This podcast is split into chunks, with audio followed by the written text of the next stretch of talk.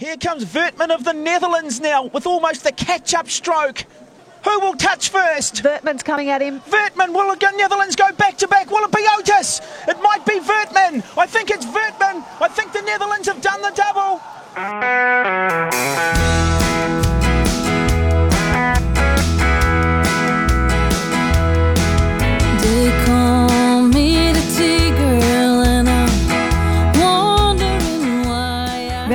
Welkom bij de Courage Podcast. De podcast waarin oud-topsporter en Olympiër Vera Koedode op zoek gaat naar verhalen achter de topprestatie. Maar wat is courage dan? Courage staat voor moed en doorzettingsvermogen. En dat is nou net de rode draad door het leven van de gasten van deze podcast. Laten we beginnen. Yes. Welkom allemaal bij de Courage Podcast, etappe 17 alweer. Vandaag heb ik weer een super, super bijzondere gast tegenover me zitten. Ik ben heel erg vereerd. Ehm, als ik zeg very, very fast, dan gaat er bij de meeste mensen eh, al een belletje rinkelen. Welkom, Ferry Weertman. Dankjewel. Ehm, Dankjewel. we, we, we zitten nu in, eh, bij Brood Nodig in eh, Utrecht, in een eh, broodcafeetje. Nou, er zijn verder geen gasten, dus dat, daar hebben we mazzel mee. Want nou, het is 's smiddags en de meeste mensen zijn nog aan het werk op vrijdagmiddag. Maar wij mochten hier plaatsnemen voordat we straks met de atletencommissie een afscheidsborrel hebben. Maar daar later meer over. Op de eerste plaats... ehm, wij kennen elkaar niet, want met mijn meeste gasten eh, die ik in de podcast heb, die, eh, die ken ik vrij goed, vrij persoonlijk. En ik ken jou helemaal niet, dus dat vind ik eigenlijk ook wel heel leuk, want ik ben heel nieuwsgierig naar heel veel dingen. Ken je natuurlijk eigenlijk alleen van tv. Eh, Dus ja, ehm, waarschijnlijk ja, gaan we gewoon, ga ik misschien stomme vragen stellen, maar hè, die eigenlijk de heel, heel de wereld al weet. Maar ik ben dus echt een leek. Ook op het gebied van zwemmen ben ik eigenlijk wel een leek. Want ja, als, als professioneel wielrenner ging ik wel eens op hoogtestage in de Sierra Nevada. En wat ik dan wel eens deed, is op de nuchtere maag zwemmen, s ochtends vroeg. En dan had ik echt na een half uur had ik het helemaal gehad. Nou ja, ik heb dan wel de Vierdaagse gezongen met mijn moeder vroeger. En daar blijft het een beetje bij. Dus op zwemgebied ehm, heb ik heel weinig ervaring. En ehm, ja, ook eh, sommige wielrenners of wielrenners doen het in de winter wel eens als, als alternatieve training. Als ze een zwembad in de buurt hebben, nou heb ik ook eh, sinds een aantal jaren op 100 meter afstand een zwembad liggen. Maar ik, ik heb er eerlijk gezegd dus nog maar een paar keer in gezwommen. Dus dat is wel de, de bedoeling hoor, dat we daar wat vaker gebruik van gaan maken. Maar ja, op het gebied van zwemmen in ieder geval eh, weinig. Dus, dus eh, ik als leek en als topsporter hoop ik in ieder geval, ja, als topsporters onder elkaar, dat ik eh, ook voor de, voor de luisteraars, eh, ja, toch Ferry Weertman, echt de, de persoon achter de top, eh, topsporter, de, de verhalen achter de topprestatie bij jou te ontfutselen. Nou, als ik je even ga introduceren, dan ben ik nog wel even een tijdje aan het woord. De mensen gaan er maar even goed voor zitten, want Jeetje Mina.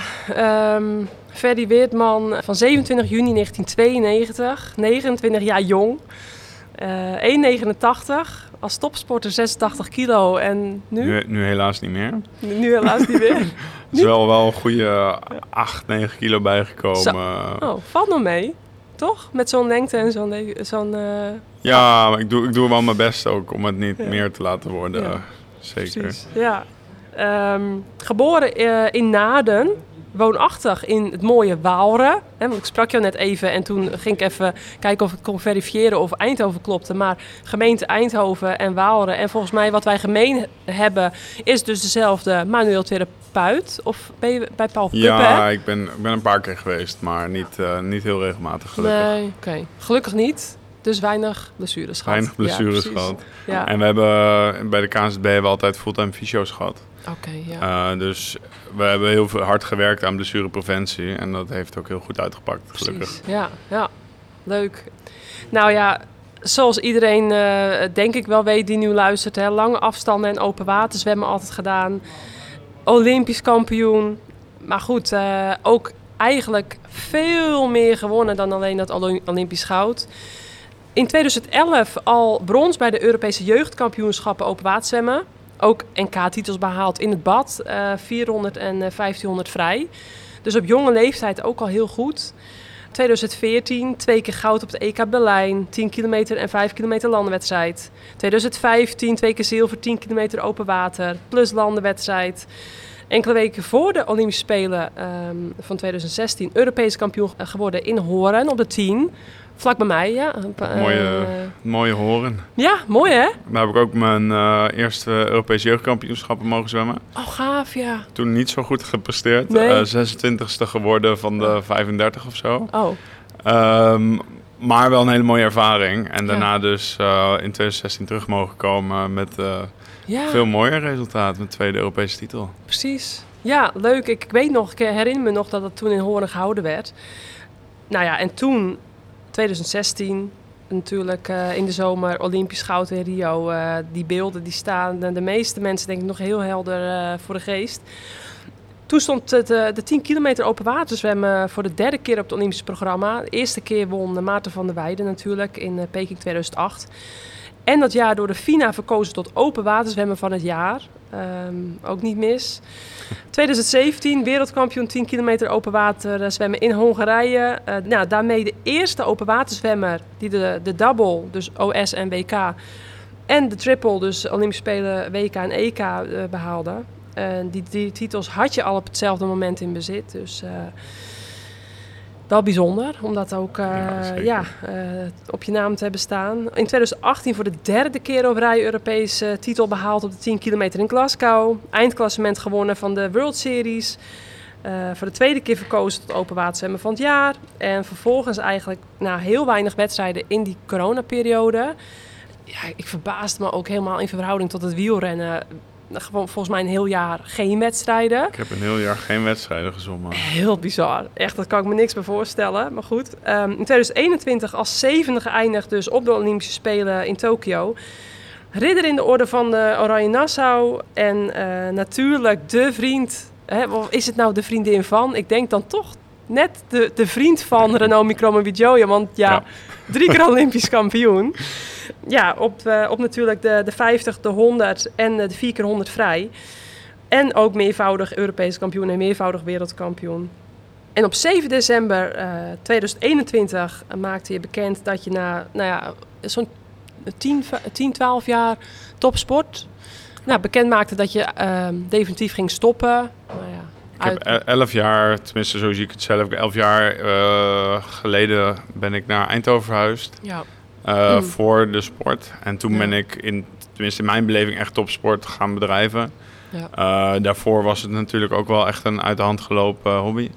ja. Ehm, maar sindsdien ben ik het ook wel mijn werk gaan noemen. Eh, en dan vind ik het zelf eh, professioneel en topsport. En hoe oud was je toen dat je naar Eindhoven vertrok? Eh, dat was toen ik net mijn VWO af had op mijn achttiende. Toen Ja. ben ik naar Eindhoven verhuisd. En toen wilde ik ook gaan studeren Ja, eh, aan de TU. Maar dat eh, was geen succes. nee, dat kan ik me voorstellen. Jeetje, 30 uur per week zwemmen en dan eh, dat. Ehm, na Tokio ben je een jaar gestopt. Ehm, Half jaar.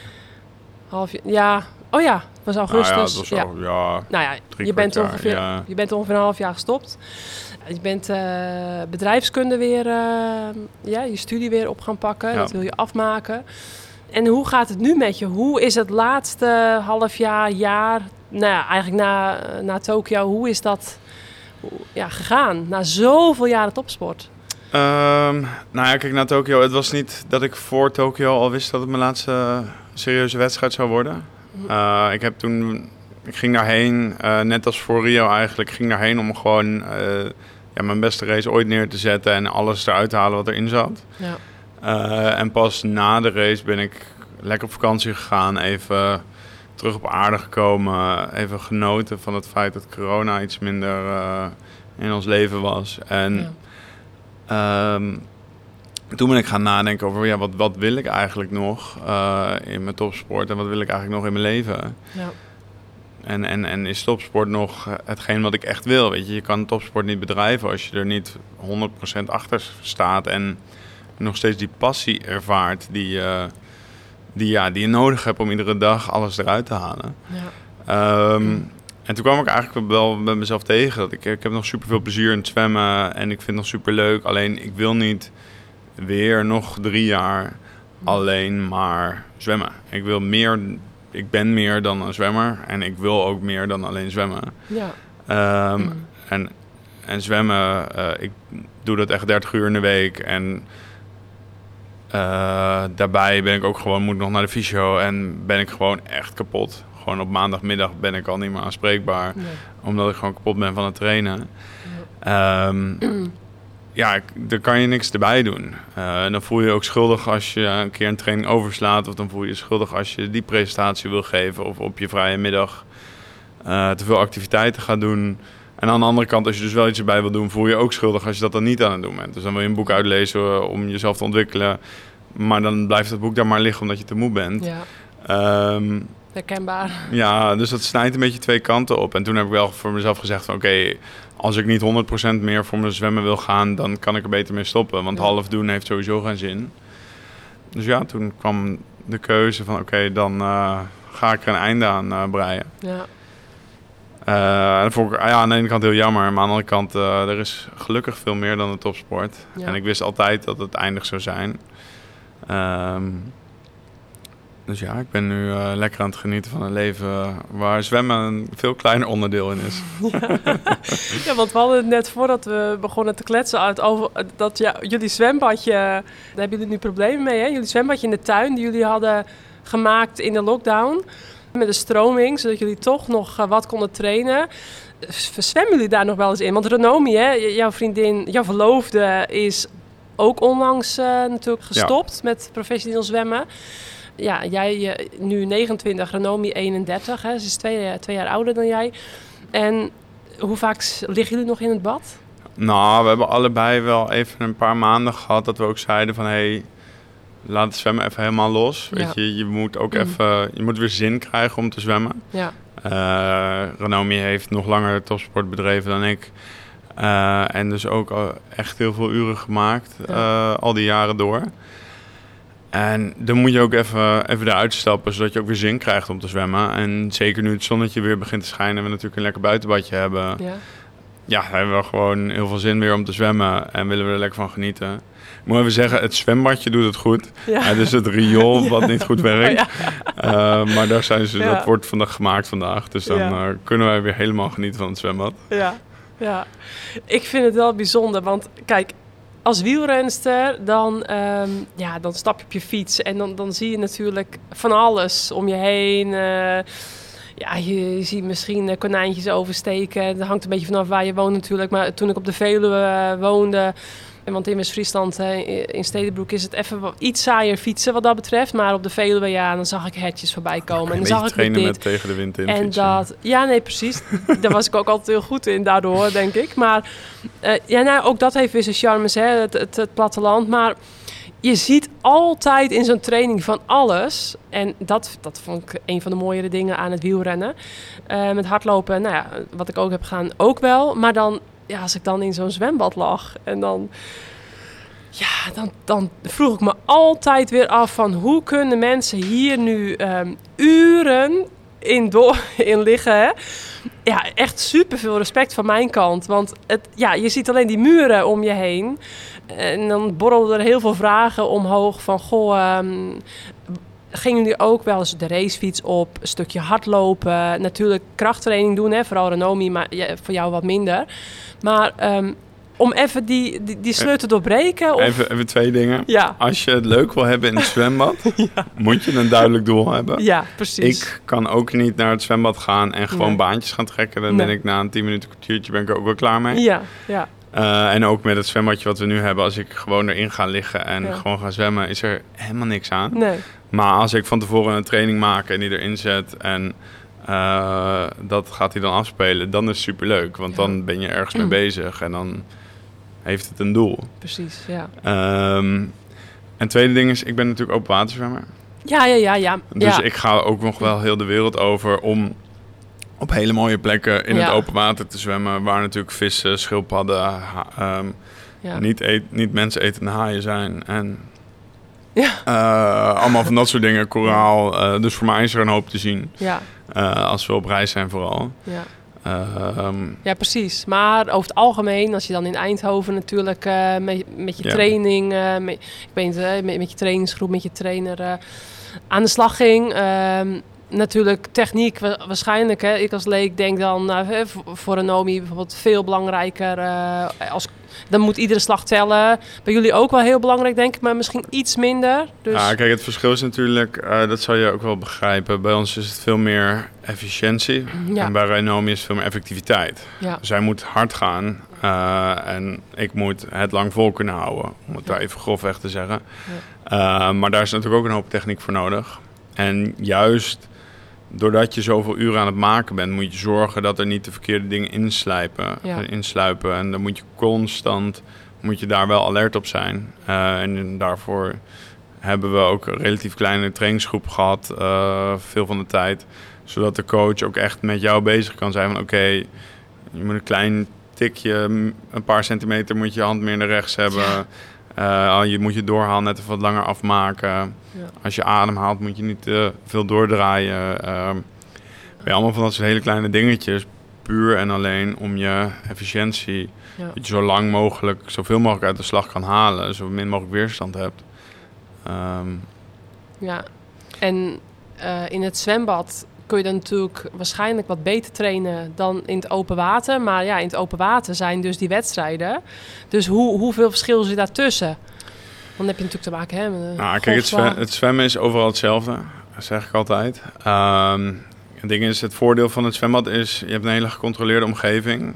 Eh, Ja. Dus je kan ook heel makkelijk meten hoe hard je gaat. Ja, precies. Eh, en je kan heel makkelijk zien als coach, kan je er heel dicht op staan om te zien hoe het gaat.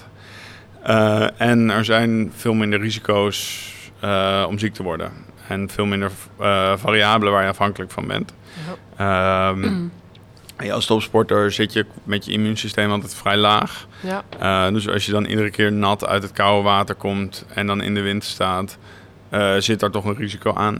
Ehm, en daarbij ehm, is het ook gewoon, ja, goed meetbaar. Iedere, je hebt gewoon, je baan is 50 meter, dan kan je gewoon meten. Eh, je coach kan erbij staan.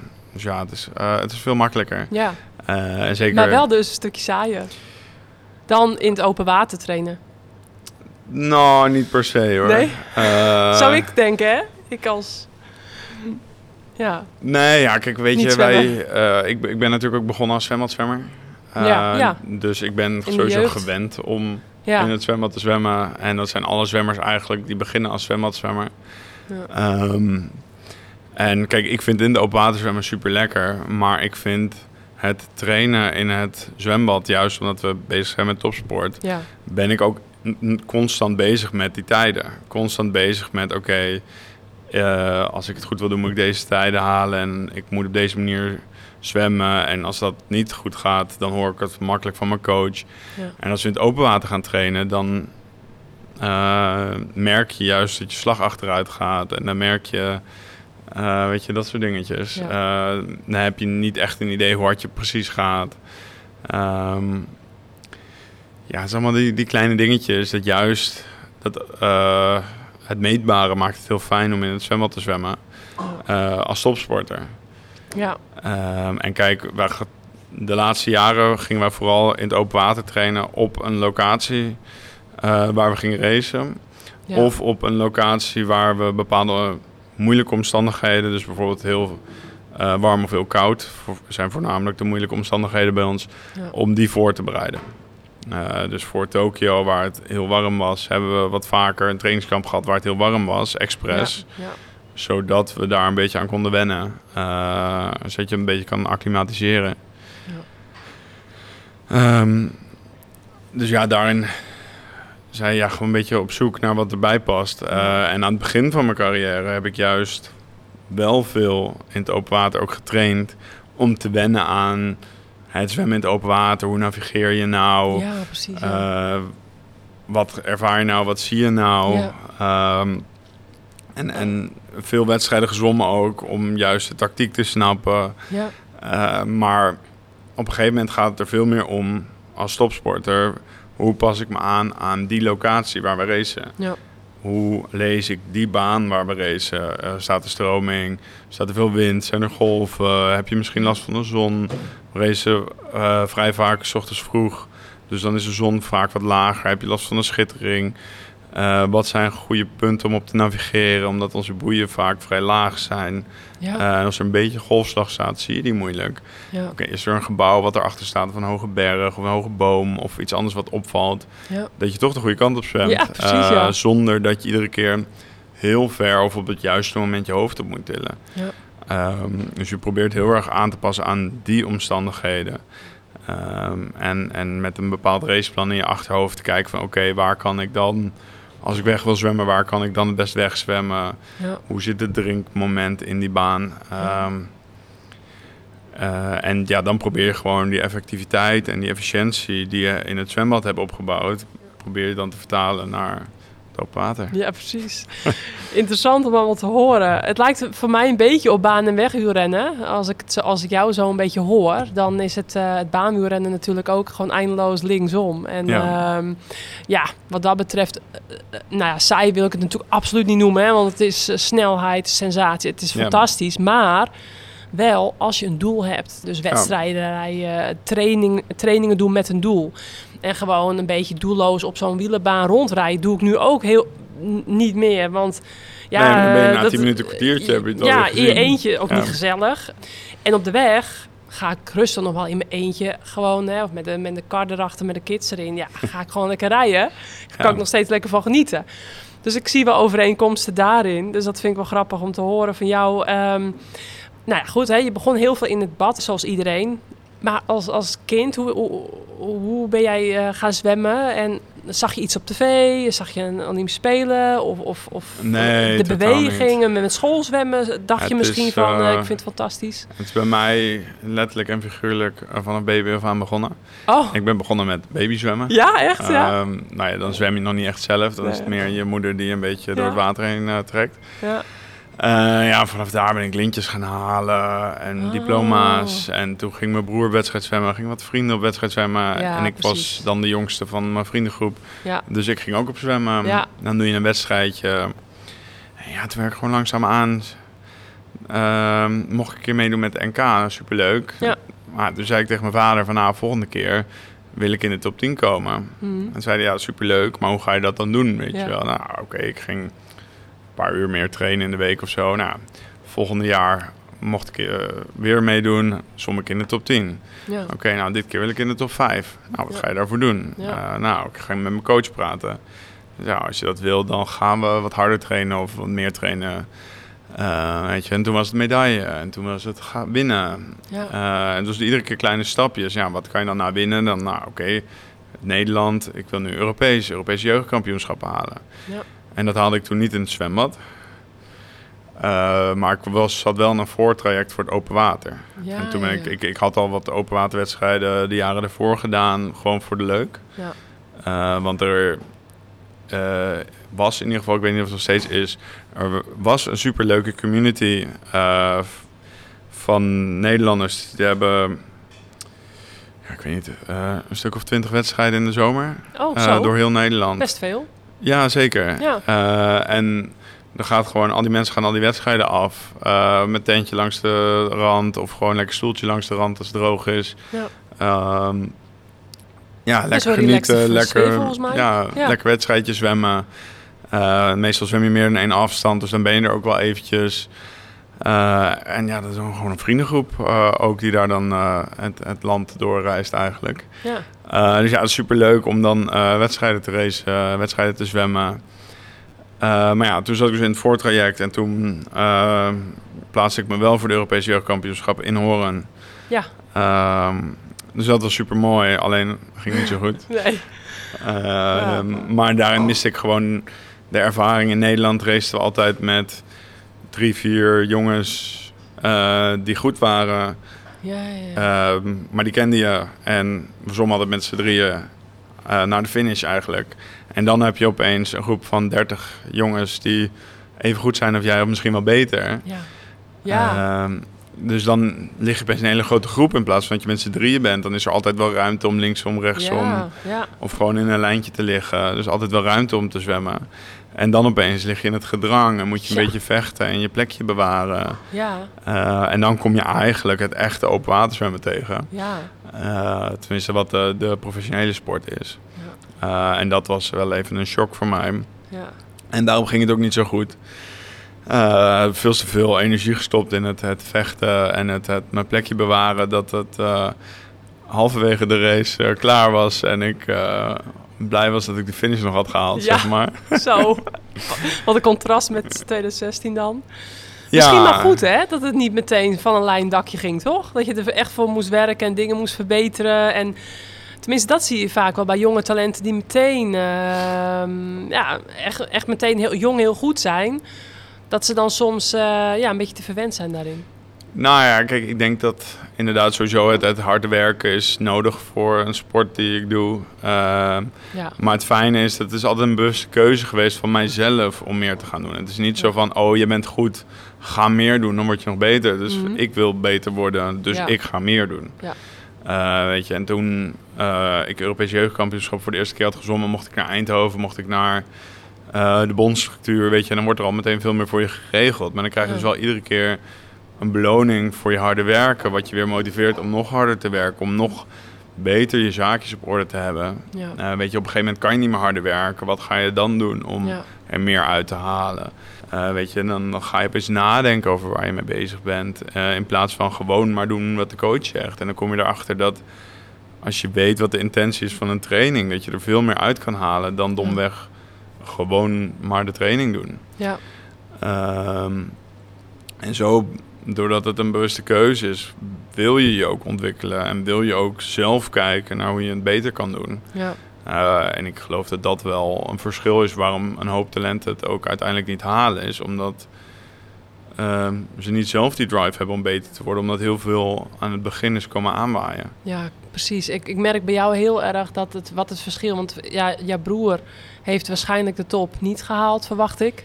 Hè? Eh, Want je bent door je broer gaan zwemmen uiteindelijk en door je vriendjes. Maar Nou, mijn broer, Ehm, ik denk dat mijn broer heel veel zwemtalent heeft. Ja? Alleen hij is te laat groot geworden. Oh, Eh, eh, dus hij, ik ben op een gegeven moment heel even iets langer geweest dan hij. ja, Ehm, toen ik zeg maar 14 was. ja, dus ja, toen was hij 16.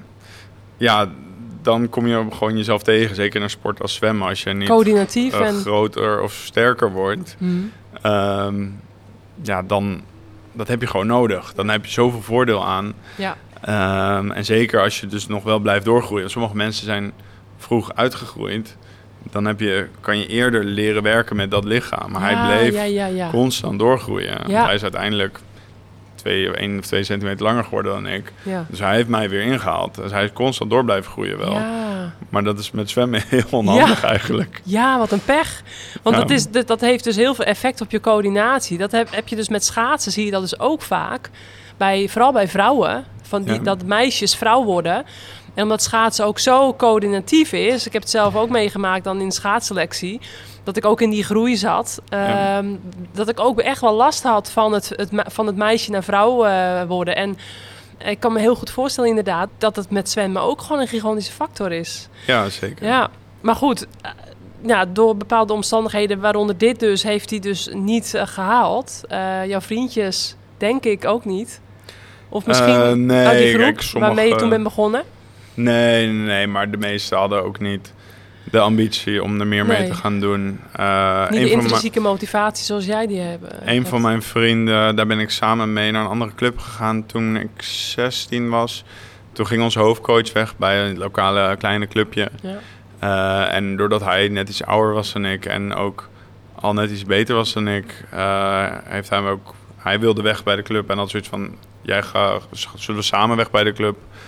Eh, of in ieder geval deels weg bij de club, omdat we gewoon betere eh, begeleiding nodig hebben en meer badwater. Ja. Uh, toen ben ik samen met hem, tenminste ik ben deels weggegaan bij de club. Uh, om, om een beetje combinatie te maken ben ik naar Barneveld gegaan samen met hem om daar te trainen. Alleen hij heeft door blessure dan niet de volgende stap kunnen halen. Um, maar had ook wel goed kunnen worden. Ja, precies. Maar ja, je zegt haalt blessure. Uh, dit is natuurlijk de Courage podcast. Wat de rode draad is eigenlijk Ja. vaak van mijn gasten is... op welke momenten als topsporter kom je... Vaak loop je tegen uh, tegenslagen aan. Hè? Als je een langere, lange sportcarrière hebt, dan ja, bijna geen topsporter die terugslagen of tegenslagen heeft ge, gekend. Maar als ik jou zo hè, een beetje inschat, als ik jou zo heel kort meemaak en um, een beetje ja, een rustige jongen, een beetje introvert, ehm, maar eh, behoorlijk verstandig, alles goed op een rijtje. Volgens mij kom je gewoon uit een, ehm, ja, een heel normaal sportief gezin, maar daar wil ik eigenlijk wel meer over weten van wat uit wat voor gezin kom je. En heb je eigenlijk tegenslagen gehad in je zwemcarrière? Want als ik dan ook die erenlijst net opnoemde, dan kan ik me eigenlijk bijna niet voorstellen dat jij eigenlijk eh, nou, behoorlijke blessures of behoorlijke, ja, of het nou mentaal of fysiek is. ehm, ja, dat verwacht ik niet in ieder geval. Maar Ik zou eerst even kort mijn jeugd doen. En daarna Ja. ik heb wel twee punten waar ja, ik wel tegenslag en ook zeker de een ervan is een kantelpunt geweest in mijn carrière, denk ik. Eh, maar eerst even kort mijn jeugd. Ik ben ja, inderdaad geboren en getogen in Naarden. Ehm, ouders zijn bij elkaar, nog steeds bij elkaar. Nog steeds gezond. Eh, altijd een hond gehad. Nu zelfs twee, mijn ouders. ja, Eh, dus ja, dat is heel fijn. Eh, Ja. Mijn ouders zijn zelfs onlangs ook naar Waalre verhuisd. oh Dus wauw. die wonen lekker om de hoek. Zo, Dat vind ik wel heel fijn. ja. Ehm, dus ja, nee, ik heb een hele zorgeloze jeugd gehad. Ik heb gewoon mijn VWO kunnen doen zonder al te veel tegenslagen. Alles in één keer gehaald. ja. Eh, allemaal geen gekke dingen. Eh, en ik kom, ja, mijn ouders zijn geen sporters, maar wel heel sportief. Hm. Eh, zeker mijn vader houdt ook echt van sport kijken. Maar ook allebei, mijn ouders houden echt van sporten doen. Eh, mijn moeder trouwens ook heel erg van schaatsen kijken. Ja. Heb ik zelf niet zo. Bevroren ijs, nee. Ja, Ja. ik vind schaatsen zelf om te Bevroren doen, te doen wel leuk. Maar kijken, dat trekt mij niet zo. nee. Eh, maar dat terzijde. ehm ja, het enige was dus op mijn zestiende moest ik de keuze maken om meer te doen voor mijn sport. Moest ik bij, deels bij een andere club gaan trainen. Want wij, ik kwam gewoon bij lokale, de Otterstrooi, een lokale clubje. Ja, daar, daar, daar, daar werden we te groot voor als je nog een stap wil Ja. maken in zwemmen. Ze hebben daar de uren niet. En gelukkig eh, toen hele goede begeleiding gehad. Ik kon deels bij een andere club gaan trainen, dus deels bij DWK in Barneveld. En ik heb daar mijn uren gemaakt, maar ook nog bij mijn oude club. Eh, die waren eh, gewoon bereid om hun, hun ego aan de kant te zetten, eh, dat ik wel gewoon nog mijn uren daar kon maken. Ja. En daarbij was er ook nog een coach, Stefan Schoon, die heeft gewoon eh, in zijn vrije ochtenden eh, af en toe aan de badrand gestaan eh, tijdens het baantje zwemmen. zodat ik mijn uren, extra uren kon maken om, Ja. om maar beter te worden. Ehm, ja, en dus gewoon veel begeleiding gehad, ook in het nadenken over waar ben je nou mee bezig. Superleuk dat, je, dat je hard kan zwemmen, ja. maar wat doe je nou tijdens een training? Mhm. En waarom moet je dit baantje op 1.10 zwemmen en dat baantje op 1.20 en Ja. dat baantje onder de minuut? Ehm, ja, als je een klein beetje wat weet van trainingsleer, weet je, hoeft, het, je hoeft niet zelf trainingen te kunnen schrijven. Nee. Maar je moet wel trainingsleer begrijpen, denk ik, Ja. om echt het, het onderste uit de kant te kunnen halen. Ja. Eh, en het is gewoon heel fijn dat je coaches hebt, de begeleiding hebt die daar in je ogen openen. Mhm. Ehm, zodat je ja, jezelf verder gaat ontwikkelen. En, ja. en soms weet je gewoon niet wat je niet weet. Nee. Ehm, en, en daarin is het heel prettig dat iemand dan je ogen opent, zodat je weer ziet dat er meer is om je te ontwikkelen en een beetje richting hebt om eh, verder te groeien. Precies, ja. Dus die mensen zijn wel heel belangrijk voor je geweest. Dus dat is wel heel belangrijk, ook als je jong bent. Ehm, en je had dus een broer natuurlijk. Verder nog broers, zusjes? Nee. En, en hoe, hoe was het verder? Je, op de basisschool met, met schoolgym. eh, was Ferry Weertman dan al een van de fanatiekste van de klas? Was jij met shuttle run testen een van de betere? Was je eh, met, met nou, wat je ook maar deed, hè? want eh, ja, je doet natuurlijk van alles op de basisschool aan sport. Eh, was je fanatiek met eh, scholieren, veldlopen, voetballen? eh, ik ben altijd fanatiek geweest. Kijk, ik ben, geen, ik ben bijzonder slecht met balsporten. Eh, dus ik heb heel veel sporten geprobeerd ook in ja, mijn, wat mijn heb je meer leven. geprobeerd? Judo, tennis, schaatsen, zeilen, eh, voetbal, Zo, zoiets. wauw. Eh, dus eh, de regel in ons huis was ook, je moet een sport doen en eh, een, in ieder geval een keer geprobeerd een instrument geprobeerd hebben. Ja. Eh, dus ik heb gitaar geprobeerd, Oh ja, ook geen talent voor. oh. Vond je het wel leuk? Maar nee, Ah, waarschijnlijk... aan, ja. het, aan het begin Houdt wel. een beetje samen Alleen ik, ik moest dat, hoe heet dat, dat tokkelen, dat Spaanse tokkelen. En in plaats van dat je gewoon een beetje zo lekker eh, over die snaren kan gaan. Dus ik kon Ja. dat op een gegeven moment een beetje, want ik, Ja. er kwam bij mij geen muziek uit. En toen was het, eh, toen vond ik het niet leuk meer. Ook geen ander instrument toegeprobeerd? Nee, ja, toen werd ik langzaam aan. trainde ik ook al wel weer zes keer in de week voor zwemmen. en Oh, dan Ja, ja, komt het allemaal een beetje in de knoop te zitten. Dus ehm, ja, nee, toen was alleen zwemmen genoeg. ja. Ehm, ja. ja, je maakt zoveel uren met zwemmen, dat kan ik me wel voorstellen. Maar, eh, ehm, maar eh, voor de rest wel altijd fanatiek, ook met Ja. bordspelletjes. En eh, ik, ik ben een slechte verliezer. ja, dus ik, als, ik, als, als ik er erg- ergens voor ga, dan ga ik er ook echt voor. En dan ben ik ook, hoe zeg je het, emotioneel invested. Dus dan wil ik het ook echt. En dan, dan baal ik ook echt als het niet goed gaat of als het niet lukt. ja. Maar jij ziet er heel rustig van buiten uit. Hè, aan de buitenkant, Ja. zoals ik je zie. En ik zei van tevoren al dat, dat ik dacht dat... Ren ik ken Renomi natuurlijk ook niet. Ik, we hebben wel in 2012 dan allebei in Londen meegedaan aan de Spelen. Maar ik, ja, toen waren er zoveel Nederlanders ook. En nou, haar niet gesproken. Iedereen druk met zijn eigen ding. Afijn. Hoe zij overkomt is voor mij extravert en jij introvert. En, ehm, maar als je dan zegt, van, ja, ik, dan kan ik echt boos worden. En dan kan ik echt eh, niet tegen mijn verlies. En, eh, en want Renomi kan wel goed eh, tegen het verlies, hè? Had ik, ergens kan wel gehoord. goed Dus, tegen de verlies. Is maar een goede, een goede die balans? wil wel overal een wedstrijdje van maken. Oh ja. En als ik er dan voor ga, dan kan ik ook Ja. niet Nee. haar laten winnen. Nee. Zeg maar, als ik er Ja. niet voor ga, dan is het, mag je hebben. Ja. Maar soms dan ga ik ervoor. Ja, dan, dan ga ik ook door tot ik heb gewonnen, zeg Ja, maar. ja. Dat is niet altijd handig. Nee, nee. Maar, ik vind het wel grappig dat je dus zo, hè, dat, dat je zo van binnen dat, dat het vuur kan hebben, terwijl je dat van buiten dus niet aan jou eh, afleest. Misschien je coaches en zo, die je goed kennen wel, hè. Maar eh, volgens mij over het algemeen... het is- eh, Eh, als we iets gaan doen waar misschien als we zo gaan Ja. jeu de boule, oh, ja, dan, eh, ja, kan dan het gaan we de misschien echte Ferry zien. ja, dan ko- komt het misschien naar boven. Ja, het is voor ons denk ik allebei de eerste keer dat we gaan jeu de boule, toch? Tenminste, ik heb het volgens mij Wel, nog... wel in een bar. Ik bedoel, ik heb wel eens gejeu de Ja, boule, ja, maar- vroeger op, op vakantie. ja. Heel benieuwd hoe het straks gaat lopen, inderdaad. Eh, ik ga in ieder geval niet bij jou in het team als we teams gaan maken. Dus dat, dat heb ik alvast op voor op de andere. Maar ja, je hebt eigenlijk gewoon een hele zorgeloze jeugd gehad volgens mij. Dus eh, Zeker, met heel helemaal veel verschillende te sporten. eh, Ja, vrienden, vrienden, familie, allemaal prima. Dus, ja. eh, van een lijn dakje. Ja. En toen vanaf welke leeftijd ging je echt... Want je zegt gitaar paste toen op een gegeven moment niet meer. Want toen zwemde ik al zes dagen per week. ja, en kijk, dat was van jou van jaar als je 12 ge- of zo? Als je gewoon een clubzwemmer bent, dan train je al zes keer in de week. Ja, dat hè? is helemaal niet speciaal in de zwemwereld. Ehm, dus ja ik, ja, ik kan me niet herinneren. Ik heb altijd gezwommen. Ook het ergste is, ik zwom dan de hele week. En dan ging ik in het weekend ging met mijn vriendjes naar het zwembad. Ja, ja. ook nog, ja. Zeg maar, mijn, mijn vrienden en dan zaten ging je wedstrijdjes doen? Nee, ja, Oh. ging we gewoon vrij zwemmen. Oh ja, Gewoon op matten, vechten, Ja, van duikplank. spelen.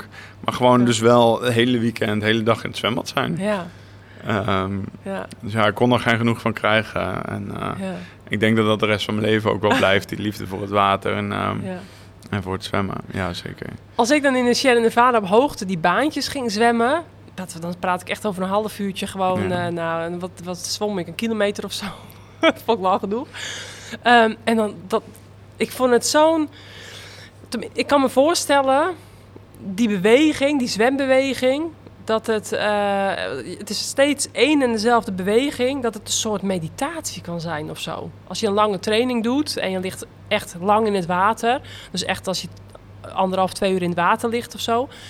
Volgens mij op een gegeven moment, dan ben je volgens mij helemaal in trance. Volgens mij lijkt het een beetje op hardlopen, maar ja, Ja, kijk, weet je, dat zeggen Dat mensen gevoel. natuurlijk ook over wielrennen. Als jij een heel lang rechtstuk gaat ja dan ga je ook steady, dan ga je ook verstand op nul en dan gewoon domweg trappen. Kijk, maar ja, dat is juist het gevaar van zwemmen. Is je moet die techniek. Je wil in je trance komen, maar je wil dat wel op een goede manier doen. Ja. En het is heel moeilijk om daar een goede balans in te vinden. Ja. Eh, maar zeker, we hebben open watertrainingen gehad dat de coach zei... hey, eh, zie je dat stukje land wat daar uitsteekt? Ja, Daar gaan we heen. ja, Succes. ja, En dan moet je gewoon een uur of zo, Zo. in een rechte lijn zwemmen. ja, Ja, dan kom je op een gegeven moment wel in een, een modus dat je amper aan het nadenken bent en alleen maar aan het voelen bent eigenlijk. Je bent Ja. alleen maar nog steeds wel met je lichaam bezig. Nog steeds wel bezig met waar steek ik mijn hand in? Hoe haal ik door? Zet ik wel goed? Ja, Hou ik mijn hoge elleboog? Ehm, ja. Ja, van die dingen. En, en, en natuurlijk loop je techniek dan wel wat achteruit. Maar de, de kunst is juist om dan in de goede, goede techniek te blijven. ja. Uh, maar ja, dat is juist ook het lekkere. Zeker Ja. als je in het open water bent en het is mooi water, het is mooi weer. ja. Uh, ja, dan ben je gewoon vrij. Weet Ja. je? Niemand eh, die je kan bellen, niemand die je mailtjes Nee. kan sturen en Nee. lastig kan vallen. ja. Het is gewoon jij in het water. Ja, dat is gewoon heel erg lekker. Ja, dat, het, lijkt me, het lijkt me. Als je het goed kan, lijkt het me eigenlijk wel heel. eh, aan de ene kant is het super zwaar natuurlijk ook. eh, maar het lijkt me ook alweer heel. eh, een beetje een soort van ontspannend voor, voor je hoofd dan. Zo'n. Zulke Kijk, weet je, trainingen. ge- gewoon zwemmen voor mij is natuurlijk niet zwaar. nee. Kijk, de kunst voor mij nu om echt te kunnen genieten van het zwemmen, wordt het loslaten van techniek. Ja, Ik moet goed genoeg blijven zwemmen dat ik nog lekker aan het zwemmen ben. ja precies. Ja. Maar ik moet er niet te veel mee bezig zijn. eh, want toen ik nog echt professioneel zwom, gewoon zo gefocust op techniek en zo gefocust op het gevoel van hoe ik aan het zwemmen ben, dat eh, je soms vergeet te genieten. Dat je eh, Ja, soms niet even vergeet waar je bent en wat je aan het doen bent. En zo bezig met dit moet beter, dit moet beter, dit moet goed blijven. Ehm, ja, en dat hoort gewoon bij de sport. Je- Dat heb je gewoon nodig, anders kom je er niet. Nee. Ehm, en oké, dus toen de basisschool allemaal goed, eh, VWO eh, zonder problemen gehaald. Eh, nou ja, je ging natuurlijk niet ieder weekend uit zoals de meeste van je klasgenoten. Heb je evengoed nog wel vrienden van de middelbare school? eh, die, misschien zijn het nog steeds wel vrienden, sommigen, maar eh, die, die er ook geen probleem van maakten dat je topsporter was? Eh, ik heb toevallig aan middelbare school echt heel weinig vrienden overgehouden. Ja. Maar ik ging toen al heel veel om met mijn vrienden van het zwemmen. Oh ja, natuurlijk. En ja. we ja. hebben nog steeds de vriendengroep die we toen hadden met de zwemgroep. Ja. Dat is nog steeds een vriendengroep. En we gaan in principe ieder jaar met Pinksteren spreken we af. Ja. Hebben we een vriendenweekend. En ja, gewoon door het jaar heen zien we elkaar gewoon nog steeds. Terwijl we verspreid zijn over het hele land. We zijn Ja. natuurlijk allemaal opgegroeid eh, in, eh, naar de Bussum. Ja. Of die omgeving in ieder geval. Maar we wonen nu... Eentje woont in Leuven, ander in Den Haag, eh, Amsterdam. Dus ja, we wonen allemaal ergens anders. Ja. Maar we zijn nog steeds een vriendengroep en proberen veel af te spreken. Oh, leuk. Bijzonder dat het nog steeds zo, eh, zo is. Eh, en toen zei je net van, ehm, dat er wel een paar kantelpunten in je carrière zijn geweest. Dat je toch wel wat tegenslagen nog hebt gehad in die jaren. Ja, en ik de eerste grote tegenslag voor mij in het zwemmen is denk ik geweest dat, dat ik er niet echt een uitbetaling van kreeg. Weet je, bijvoorbeeld het Europese jeugdkampioenschappen, dat ik niet goed zwom, was tegenvaller. Ja, Maar ik mocht daarna wel naar Eindhoven naar eh, het nationaal team. ja, Of tenminste het jeugdteam. ja. Eh, dus dat was voor mij alsnog een soort uitbetaling voor mijn harde werk. Ehm, maar in 2012 mocht ik naar de eh, Olympische kwalificatiewedstrijd voor de Spelen. Mhm. Voor, voor Londen. En toen dacht ik van, oh, het gaat steeds beter. Ja. Medaille gewonnen op de Europese jeugdkampioenschap het jaar daarvoor. Ehm, ik was dertiende geworden op een eh, World Cup. Ehm, dus ik had zoiets van, oké, ik moet nu... Je moest de top 6 van de geschone lijst halen. Wat uit zou komen op dat je rond de 11e plek zou moeten eindigen. Dus ik had zoiets van, nou oké, er zit non-stop een stijgende lijn in. Dat ga ik ook wel even doen hier. Ja, En toen had ik een heel goed raceplan bedacht. Als ik nou constant 11e blijf liggen, dan finish ik ook 11e. Dus ik lig erin. eh eh, eerste paar rondes. Lekker daar in die top 10. Niks aan de hand. Mhm. Eh, ik lig daar lekker te zwemmen. En de 5 kilometer. Iedereen versnelt. En ik niet. dat is heel simpel. Ik had geen versnelling meer. Weet je. Ik Nee. kon dit tempo wat ik aan het zwemmen was, kon ik lekker doorzwemmen. Ja. En dan kwam ik er wel. Maar eh, echt de volgende stap maken, dat, dat zat er niet meer in. En toen kwam dus bijvoorbeeld degene voorbij die uiteindelijk de race had gewonnen. En Mhm. uiteindelijk ook de Olympische Spelen. Ja, Ehm, en dat was voor mij wel een eye-opener. Eh, en ik bedoel, dat was echt een...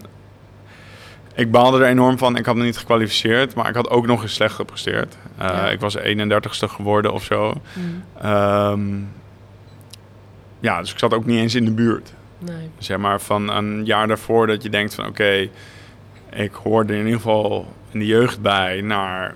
Ik heb mezelf al een klein beetje laten zien op de 10 kilometer. Ja. Ehm, was ik opeens nog heel ver van mijn, mijn droom om Olympisch kampioen te worden. Ja. En dus ook nog ver weg van überhaupt het doel om de Olympische Ja. Spelen te halen. Jeetje. Ehm, en toen was het wel een eye-opener van oké, er zit veel meer tactiek bij. Ja, Eh, en dat was dus wat ik zeg, een kantelpunt in mijn carrière. zo Dat ik veel meer naar de tactiek ben gaan kijken van oké, hoe moet je nou tactisch een race aan, aanvallen om er alles uit te halen.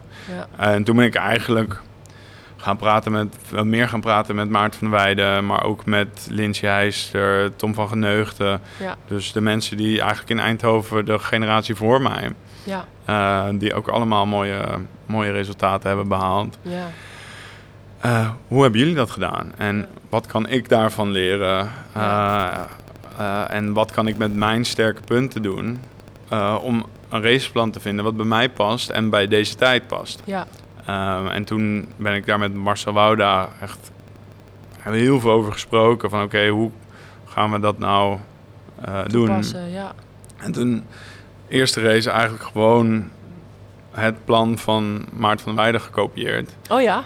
Eh, en dat is gewoon rustig beginnen. En dan na vijf kilometer ga je naar voren zwemmen. en dat ging op zich goed. Ja. Eh, en ik ben met een soortgelijk raceplan ben ik 60 geworden op de Europese kampioenschappen. Mhm. Dus dat was een opsteker van Ja. oké, misschien zit het er toch wel in. Zeker Ja. omdat open waterzwemmen in Europa eh, relatief hoog niveau is. Mhm.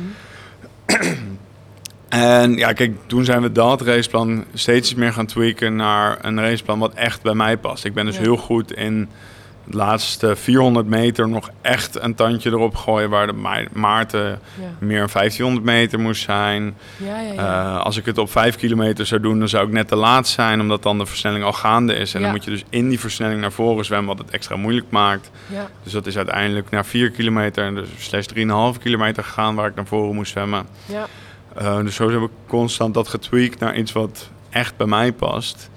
Eh, en daar dus ook uiteindelijk eh, langzaam die stapjes omhoog gegaan. Dus van, van de zesde EK naar zesde WK naar eerste EK. ja.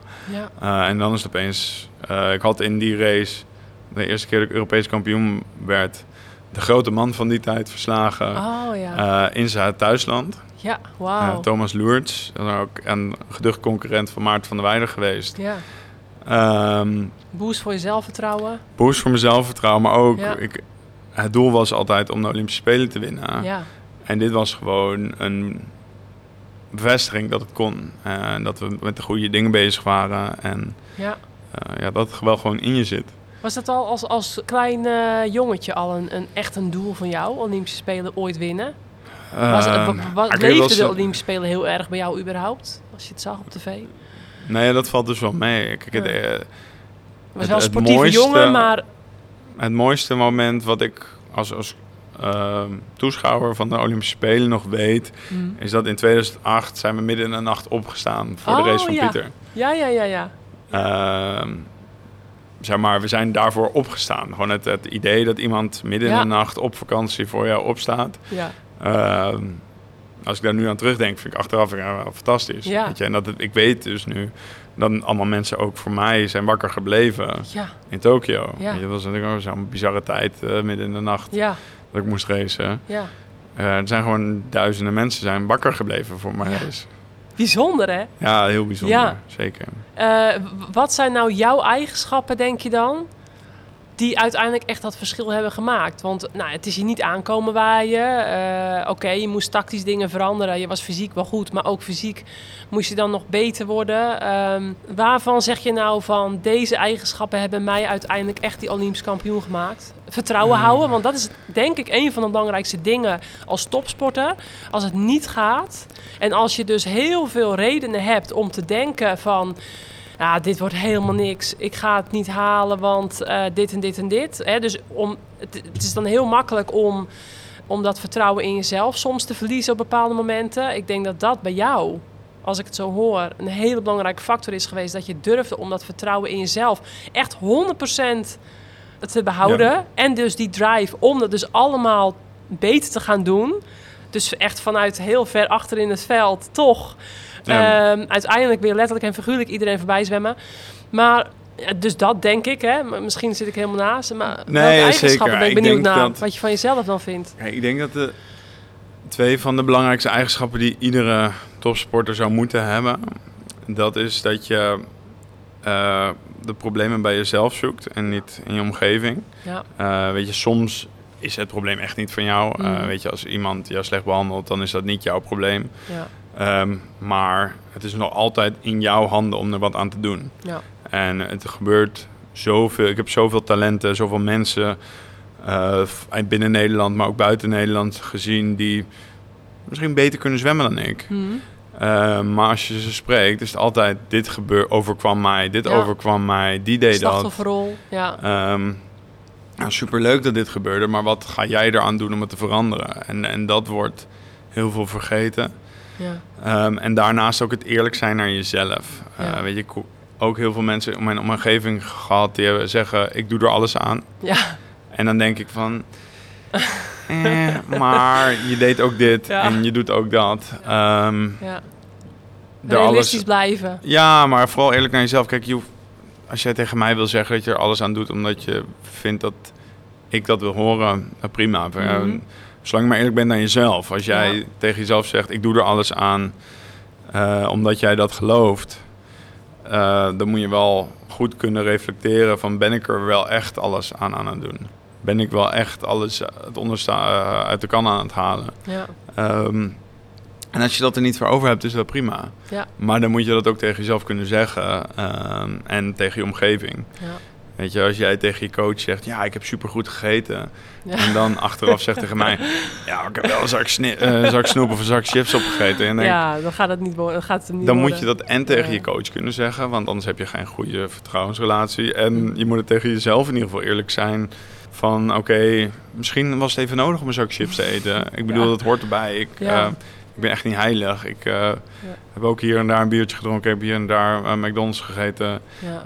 Ehm, Maar wel gewoon in, als balans, eh, ja, ja, je moet, je moet kijken wat heb jij nodig om precies. en gelukkig te zijn en lekker in je vel te zitten. En je moet kijken naar hoe hou ik mijn lichaam Ja. sterk en goed. ja, maar ja, daarnaast, ja, ik denk gewoon de, de belangrijkste eigenschappen zijn inderdaad gewoon discipline en de, de drive hebben eh, om er iedere dag voor te gaan. ja. Eh, ja, dat dat wel het belangrijkste is, ja zeker. En heb je dat, ehm, denk je, helemaal vanuit jezelf? Ben je zo geboren? Hè? Want sommige mensen worden met eigenschappen geboren. Of is jouw omgeving, jouw school, jouw, eh, jouw, jouw ouders, je broer, noem maar, jouw omgeving daar ook... he- hebben die ook zo'n mentaliteit? Of in ieder geval, heb je voorbeelden gehad waar je naar opkeek? Heb je... ehm, dus- Nou, ik denk dat ik van heel veel mensen een klein beetje heb geleerd. Ik denk dat ik. eh, een eigenschap van mij misschien dan is dat ik luister naar mijn omgeving, kijk naar mijn omgeving van oké, jij hebt iets behaald, wat kan ik daarvan leren? Ehm, ja. dus mijn ouders allebei hebben me heel bewust geprobeerd te maken van wat ben je nou aan het doen en als je iets wil, hoe ga je daar dan komen? Het is superleuk. Eh, dat is tegenwoordig een van mijn dingen die ik vaak in presentaties en eh, interviews zeg is als je een droom hebt, superleuk. Hmm, Ehm, maar hoe ga je er een doel van maken? Eh, Ja. je hebt, is pas een doel als je er een plan voor hebt. ja, Weet je, als ik, ik veel miljonair wil worden, maar iedere euro die binnenkomt geef ik uit, hmm, ga ik nooit een miljoen op mijn bankrekening hebben. nee. Maar, je moet een keer moet je er wat Ja. voor gaan doen om dat te sparen of te investeren. Hmm, Eh, en hetzelfde is met topsport. Super leuk om te zeggen ik wil Olympisch kampioen worden. Maar als je iedere keer als je moe bent zegt, ah, ik sla deze training even over, mhm. dan is er een grote kans dat het niet gaat lukken. Nee, klopt, ja. Eh, en weet je, dat soort dingen, dat hebben we echt van mijn ouders geleerd. Ja, dan van mijn eerste coach eh, bij de Otters. Gewoon geleerd om elkaar te werken. Daar was zeggen, ik ben moe of ik heb geen zin in deze training. Dat was, was niet eens een optie. Dat kwam niet in je op om dat te zeggen. Nee. Ehm, weet je, en dan weer van mijn andere coach weer geleerd om na te denken over waar je mee bezig bent. Ja. En zo van iedereen geprobeerd een klein beetje te leren. Ehm, weet je, en dan, dan lees je een keer dat Ranomi, eh, toen de tijd kende ik er nog niet, Nee, ja. in een interview had gezegd van... eh, je kan ook leren van andermans fouten. Als een van je teamgenoten een eh, aanwijzing krijgt, Ja, kan je ook kijken, doe ik dat zelf wel goed? ja, Eh, en op die manier krijg je dus extra aanwijzingen en ben je dus nog meer bezig om jezelf te ontwikkelen. Ja. ja, Het zijn gewoon van die kleine dingetjes. ja. Ehm, en op zichzelf doet het niet zoveel, maar als het allemaal bij elkaar eh, opgeteld, gaat het wel een hele grote optelsom worden. Ja, precies. Ik, ik hoor denk ik wel heel veel ehm, ja, dingen die dan inderdaad bij jou dan samengevallen zijn. Dus, en en jouw, jouw kunst van het, ehm, het goed kunnen leren. Dus, eh, en niet alleen op school kon je dus goed, goed leren, maar ook... Ja, goed. Ja. Je, je kon goed leren, denk ik. Of je, het nou, of je er nou wel of niet veel... moet- Ja, de meeste mensen. Eh, maar ook gewoon in, in de praktijk, zeg maar, dat je wel heel leergierig bent en dat je overal naar mogelijkheden zoekt om, nou ja, in dit geval ehm, alle facetten ja, zo goed mogelijk te maken. En het mentale aspect dus, ja, wa- wat je dus zegt, dat is super belangrijk. En dat is eigenlijk, maakt niet uit wat voor sport je dan doet of, of buiten de sport waar je maar goed in wil worden. Maar dat je eh, die eigenschappen je ook eigen hebt gemaakt door, door anderen dus. Dus dat het niet, eh, Ja, zeker. en ehm, ja, wel, wel grappig, heel veel eh, herkenbare dingen die ik dan hoor. Ehm, en je noemde dus Ranomi, die kende je toen nog niet. Waar ik dus ook heel nieuwsgierig naar ben. ehm, volgens mij sinds 2008 zijn jullie samen. Nee, Of, eh, 2015. Oh, of vijf, sorry, 2015 zijn jullie We samen. zijn nu bijna zeven jaar samen. Precies. Eh, in 2019 heb je haar ten huwelijk gevraagd. Ja. Is er al een datum bekend? Eh, we, we, de plannen worden steeds concreter, Ja. eh, zeker. zeker. Dat is wel heel leuk. We, ja, langzaamaan de leuke dingen van een bruiloft eh, plannen eh, zijn we nu mee bezig. Ja. Eh, dus ik, eh, ik moet me maar eens een pak laten aanmeten. Ja, ja, ja. Maar, maar echt, echt, echt een maand of een bijzondere datum of dat soort dingen. oh nee, het wordt, eh, dat- we zijn op zoek naar iets dat het gewoon lekker weer is. Dat Ja. we een leuk feestje kunnen houden. Het hoeft niet, niet groots te worden. Nee, precies. Nee, ze zijn jullie allebei niet echt, denk ik, eh, toch? Nee, we willen gewoon ja, de liefde vieren met onze vrienden en familie. Ja, dus, eh, ja. dat, eh, Ergens misschien volgend jaar dan zal het wel worden. Best wel veel zit in zo'n ja, ik, we gaan het zien. Blijft nog een beetje eh, geheim. Toch? Zeker. Ja. merk ik. Ja, en ehm, nu dat, dat jullie allebei gestopt zijn, ehm, zijn er nog heel veel. eh, ja, natuurlijk, hè, jullie liggen niet meer eh, iedere dag in het water. Ehm, wat zijn de grootste verschillen die, die, jullie nu, die jij nu vooral eh, ja, dagelijks eigenlijk merkt? Nou, kijk, de grootste verschillen, we- Renomi, daar maken we altijd grapjes over. Renomi is als persoon ook sprinter en ik ben als persoon ook Ja. lange afstand eh, zwemmer. ja. Ehm, weet je, zij is impulsiever, zij hakt sneller knopen door, zij... ehm, ja, ik weet niet, heeft, straalt heel veel energie uit. Ja. Eh, en bij mij is het allemaal wat rustiger. Dus ik denk graag na over keuzes. Ik, ik werk ook graag in langere projecten. En eh, zo komen al die dingen komen, eh, ja, daarin heel erg terug. Dat wij Ja. op dat op, eh, opzicht heel erg ja, tegenpolen zijn. Ehm, maar het mooie is dat wij allebei heel erg werken vanuit passie. Dus zij wil nu heel graag mensen helpen om eh, beter ook in hun leven te staan en eh, zich te ontwikkelen zoals wij dat gewend zijn om te doen als Ja. topsporter. Ehm, Mooi. waar ik graag gewoon eh, iets, iets groots wil opbouwen, iets aan de langere termijn. Ik weet, ik, klinkt een beetje vaag. Eh, ik weet nog niet precies welke kant ik Nee. op wil. Maar ik hoorde toevallig dat in jouw eerste podcast zat Lopke. Ja, ja. Eh, die heeft bij de sportmaatschappij gelopen. Ja. Ik heb nu ook net dat traject gedaan, Oh, mooi. Leuk. Leuk. zeker. Dus toen ben je wel ben je met diepgaande vragen aan de slag gegaan. Ja, zeker. Wat weet wil ik, wat kan ik? eh, En ik, ik ben ook letterlijk op zoek naar mijn volgende passie. Ik heb zwemmen Mhm. altijd gedaan vanuit passie. Eh, en, en dat maakt het makkelijk. mhm, Weet je, dat maakt dat het niet is van... oh, ik mag niet naar dit feestje. mhm. Dat is, ik wil graag hard zwemmen. Ja, Dus Precies. dit feestje is niet handig. precies. Ehm, en dan is het een makkelijke keuze. Weet je, als je zegt, ik, ik mag niet naar dat feestje... ik mag dit biertje niet drinken... dan wordt het een Mhm. heel zwaar ding. Ja, Ehm, en nu ben ik op zoek naar mijn volgende passie. Mhm. Dat, eh, waar ik graag, nou ja, wat zal het zijn? Eh, tegenwoordig werken mensen 50 uur in de week. Ja, Ehm, maar dat eh, ben je niet van plan hopelijk, toch? Zoveel werken? Of maar ja, als, als het mijn passie is, vind ik Ja, het niet erg. Dan nee, is het niet ja. werken. En Ja, maar dat is, ben jij een type wat, wat, wat werkt om te leven of leeft om te werken? Nou ja, kijk, dat is mijn ding. Dus als Ja. ik mijn passie vind, dan is het allemaal prima. Ja, precies. Eh, en Ja. dan voelt het niet zo Nee, als werk. En nee, dan eh, wil je graag iets moois opbouwen. Of dan wil je graag Ja, je ziel en zaligheid Ja. erin leggen. Eh, en dan is het makkelijk om te zeggen, ik, ik pak op zaterdag nog even mijn laptop. Maar als je je 9 tot 5 jaar aan het doen bent, dan ben je blij als je hem eindelijk dicht kan, kan trekken. Mhm. Ehm, dus ja, daarin, ik zeg, ik ben op zoek naar iets leuks. Iets waar ik mijn, eh mijn ei in kwijt kan. Ja, klinkt nog heel breed. Ja, Maar goed, je bent nog niet zo super lang gestopt. Dus wat dat betreft is het ook nu natuurlijk de tijd om daar ja, hè, rustig de tijd voor te nemen. en ik moet eerst mijn studie nog afmaken. Dus eh, ik ben een scriptie aan het schrijven. Ook druk natuurlijk, waar je Ja. volledig focus op hebt. Maar wil je iets met je studie eh, concreet gaan doen, denk je? Nou ja, ik, ik, ik verwacht wel dat ik gewoon de, letterlijk en figuurlijk de bedrijvigheid, de bedrijfskant op ga. Ja. eh, wel. Eh, maar ja, het ding is, bedrijfskunde is zo breed en zo vaag dat ja, praktisch alles wat je gaat doen, gaat doen kan je bedrijfskunde aan koppelen. Ja, Ehm, en alle dingen waar je het sowieso niet aan kan koppelen, wil ik waarschijnlijk ook niet doen. nee. Dus ja. Dat maakt het alweer wat Ja. eh, overzichtelijker.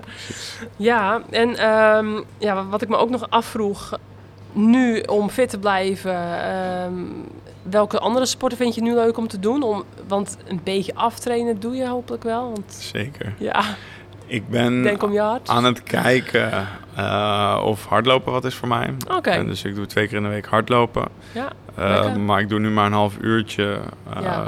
om al mijn gewrichten lekker een beetje te laten wennen. precies. Aan het begin zelfs nog korter en allemaal korte fracties. Maar nu Ja. Gewoon een half uurtje hardlopen en dat is ook wel lekker. Mhm. Eh, ik heb een kleine fitness in mijn eh, garage gemaakt. Oh, Dus ik kan nog een beetje krachttraining doen. Dat vind ik wel lekker. Ja? Dat vind ik leuk om te doen. Eh, ja, zeker nu de zon weer gaat schijnen, ga ik ook wat meer zwemmen. En we hebben een, hoe heet dat, indoor spinfiets. oh, ik wil graag ook een buitenfiets, maar die heb ik nog niet. oh. nou, ga ik straks adviseren. Graag. Ik Racefiets neem ik aan. Ja, ja, zeker Ja, je kan bij jullie eh, echt heel mooi fietsen. Daarom. Super mooi. Ook gravelen bij jullie heel mooi. Eindhoven en die Ja, klopt. Ja, mijn ouders hebben een, een, reserve, een extra mountainbike. Dus ik heb wel ook een paar keer eh, door de bossen gereden bij ons Ja. om de hoek. Dat Dus dat is ook leuk. Ja. Maar als ik zelf fiets wil kopen, kopen, wil ik wel een racefiets gaan kopen. Het lijkt me leuk. Eh, ik heb een paar vrienden die racefietsen. Dus eh, ja. ja, Goed, ja, klinkt goed. dat lijkt me leuk. Nee, je bent wel, eh, wat dat betreft, eh, ja, blijf je nog wel fit. Ja, ja, Ja. daarom. Ik, ik wil ook weer wat minder gaan wegen en zo. En dan Ja, het helpt ook wel. Dat is sport uiteindelijk gewoon op spelende, spelende wijze wel de allerleukste manier om te doen. En, ehm, en bijvoorbeeld zo'n zo'n overtocht. Mijn achterneef is dan Hans van Goor. Die heeft natuurlijk het kanaal geprobeerd over te zwemmen. Edith van Dijk eh, ja. heeft dat gedaan. Hans en Vronie van Goor zijn dan de familie van Ja, mij. Eh, en eh, zoiets. Zit het nog niet in je Nee, hoofd? Zo'n gekke... Of, de Maarten van der Weijden, hè? Van het plan is niet om eh, te achterna te gaan. Ik, ik vind zwemmen superleuk. Ja. Maar wat ik merk is, ik, ik sport dus nu, tenminste ik probeer zes keer in de week wat te doen. Zo, Maar het fijne is dat ik nu dus juist niet meer 2,5 uur trainingen Ja. doe. En niet daarvoor nog landtraining hoef te doen. Maar nu ga ik een half uurtje hardlopen of dan ga ik drie kwartier eh, even gymmen. ja. En dat is allemaal kort en dan is het nog leuk. Ja, Eh, ik, Ja. heb gewoon, ik wil plezier hebben in het, eh, het sporten. ja. En als ik ooit plezier ga krijgen in die gekke afstanden zwemmen, dan ga ik dat zeker doen. ja. Eh, weet je, ik ben nog steeds ambassadeur van de Amsterdam City Swim. Oh ja, Eh, dus ik zal deze zomer ook zeker weer daar te vinden zijn. ja, Maar dat is twee kilometer. ja. Ehm, de otters zijn nu verbonden aan eh, een, een openwaterwedstrijd eh, Swim to Fight Cancer in Muiden. ja. Eh, ga ik ook wel meedoen. Ja. Ehm, Maar ja, dat is ook weer drie kilometer of zo, weet je. Dat is allemaal prima. Ja, Eh, ja, maar om nou 35 kilometer kanaal over te steken, dat zou ik alleen willen doen als ik kan gaan voor het record. Of Ja, eh, weet je wel, zoiets. Ja. dan kan ik me daar wel voor opladen. Maar gewoon het kanaal oversteken, ehm, dat zou voor mij geen prestatie meer moeten zijn. Nee. Eh, en ik, ik denk ook niet dat daar mijn drive ligt. Eh, ik heb één keer het IJsselmeer overgestoken. Zo? Dat is 21 22,1 kilometer, zoiets. Eh, dat is de langste wedstrijd ook die ik ooit heb gedaan. Eh, bij Enkhu- vanaf Enkhuizen of vanaf waar? Nee, Stavoren Medemblik. Oh ja, ja. nou, vlak bij ons, ja, gefinest. Ja, dat is de langste race in. Nederland. Jeetje, wat een stuk, ja. En dat is ook echt een klassieker. Ja. helaas niet gewonnen. Eh, maar toen ik zwom, toen eh, degene die wel won, mijn trainingsgenootje, eh Marcel Schouten, die heeft toen het record verbroken, Oh, wat ja. nu nog steeds staat. Dus dat is dan Ja. wel weer een kleine opsteker. Ja, ja, ja. Ehm, maar nee, ja, er zijn ook 25 kilometer wedstrijden gewoon bij het WK. Eh heb ik ook nooit aan meegedaan. Nee, dat ligt, nee. Daar ligt niet mijn passie. Ik vind 10 Nee. kilometer twee uur. ja, Ehm, en dan komt het echt nog aan op het racen eh, en het tactische spel. En het komt meestal aan op een eindsprint. ja, Ehm, en daar hou ik van. ja. En bij een 25 kilometer, weet je, dan ben je vijf, vijf en een half uur aan het Ja. racen. Dan wordt het zoveel meer een uitputtingsslag. Ja. Eh, en dat, is- ja. dat is niet voor mij. Nee, nee, nee. Kan, kan ik me iets bij voorstellen. Ehm, maar wat ik me ook eh, te binnen schiet, je ligt dus uren, hè, want ik had inderdaad gezien, eh 1 uur 50 of zo deden jullie toen over die Olympische race. Toen dacht ik van, Ja. wow, wat lang. En toen dacht ik ook, wow, wat lig je dan lang in dat water. En vooral in het open water, waarvan je dus natuurlijk ook niet altijd in de allerbeste kwaliteit ligt. Hoe heb je dat altijd met je huid gedaan? Want oké, een zwembad is met chloor ook niet al te best. Maar de laatste jaren denk ik verbeterd wat dat betreft. Eh, volgens mij heb je ook eh, zelfs zwembaden met, met meer zoutoplossingen. Met wat beter voor je huid is. Als je er vaak in ligt. Maar jullie lagen, liggen dus uren in zo'n bad. Je huid is, wat ze mij hebben verteld, een, een orgaan ook. Je, je huid ziet er piekfijn uit, moet ik zeggen. Oh, dankjewel. Ja, eh, maar heb je wel eens last gehad? Eh, Ja, wat, deed je er tegen? Mijn gezicht was sowieso chronisch uitgedroogd. Ja, Eh, dat, ja, ik probeer het dan wel een ik, ja. beetje in te smeren. Maar ja, als je dat echt goed wil onderhouden, kost het zoveel tijd. Ja. met je haar, weet je. Dat, ja. Eh, zeker voor de Spelen van 16 deed ik er niet zoveel mee. Mhm. En ja, het was gewoon... Ik kon het maar beter kort houden, want Ja. eh, het, het, ja, het was helemaal niks. Na 2016 ben ik ook gaan trainen met een badmuts en zo. Toen werd het langzaamaan wel wat beter. Mhm. Ehm, maar je moet er zoveel tijd in steken. Want eigenlijk moet je na het zwemmen goed je huid afspoelen Ja. en dan weer insmeren en zo. Maar ja, als je smiddags weer het water in gaat, heb je daar helemaal geen zin in. Nee, snap ik.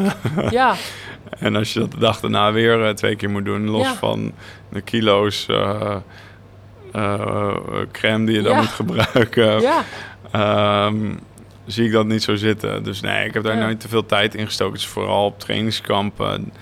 Ehm, en soms wordt je huid gewoon te strak. Ja. Eh, en dan wel echt gesmeerd. Maar meer vanuit de sportkant gezien. ja, ja, ja. Dat het belangrijk is dat mijn huid soepel blijft. Dan dat ik er graag goed uit wil zien. Ja. ja, maar ik kan me ook vooral voor de vrouw, hè, de vrouwelijke zwemsters wel voorstellen. hè. Ja, eh, als je jong bent. Ja, die steken daar over het algemeen wel wat meer moeite in Ja. eh, dan de mannen. Ja, ja. En heb je wel eens last gehad eh, als je ergens in slecht open water had gezwommen of zo? Of, Dat valt eigenlijk heel erg mee. Ehm, een paar, en enkele, misschien zelfs maar één keer in Nederland last gehad van de welbekende overloopgoot. mhm. Als het hard regent, dan loopt de riool over in het, eh, sommige plekken in het open water. Ja. Het is ook altijd belangrijk dat als je ergens Oh, gaat ja. zwemmen in het open water, dat je van tevoren checkt of je op zo'n plek gaat zwemmen. Ja, Eh, het is na een dag of twee, drie is het volgens mij allemaal wel weer gezakt en is het allemaal wel weer prima. mhm. Ehm, maar als het dus hard heeft geregend, dat je even oplet waar je gaat zwemmen. ja. Wij hadden dus een wedstrijd eh, en die ging gewoon door. Oh, Eh, en daar heb ik toen wel last van gehad. ja. Ja, voor de rest nog een enkele keer in Setubal in Portugal, daarna heb ik last gehad. Eh, met mij en een hoop andere opwaterzwemmers die meededen. Ja, En is altijd voor ons altijd het dingetje, is het dan van het eten of is het van het open water?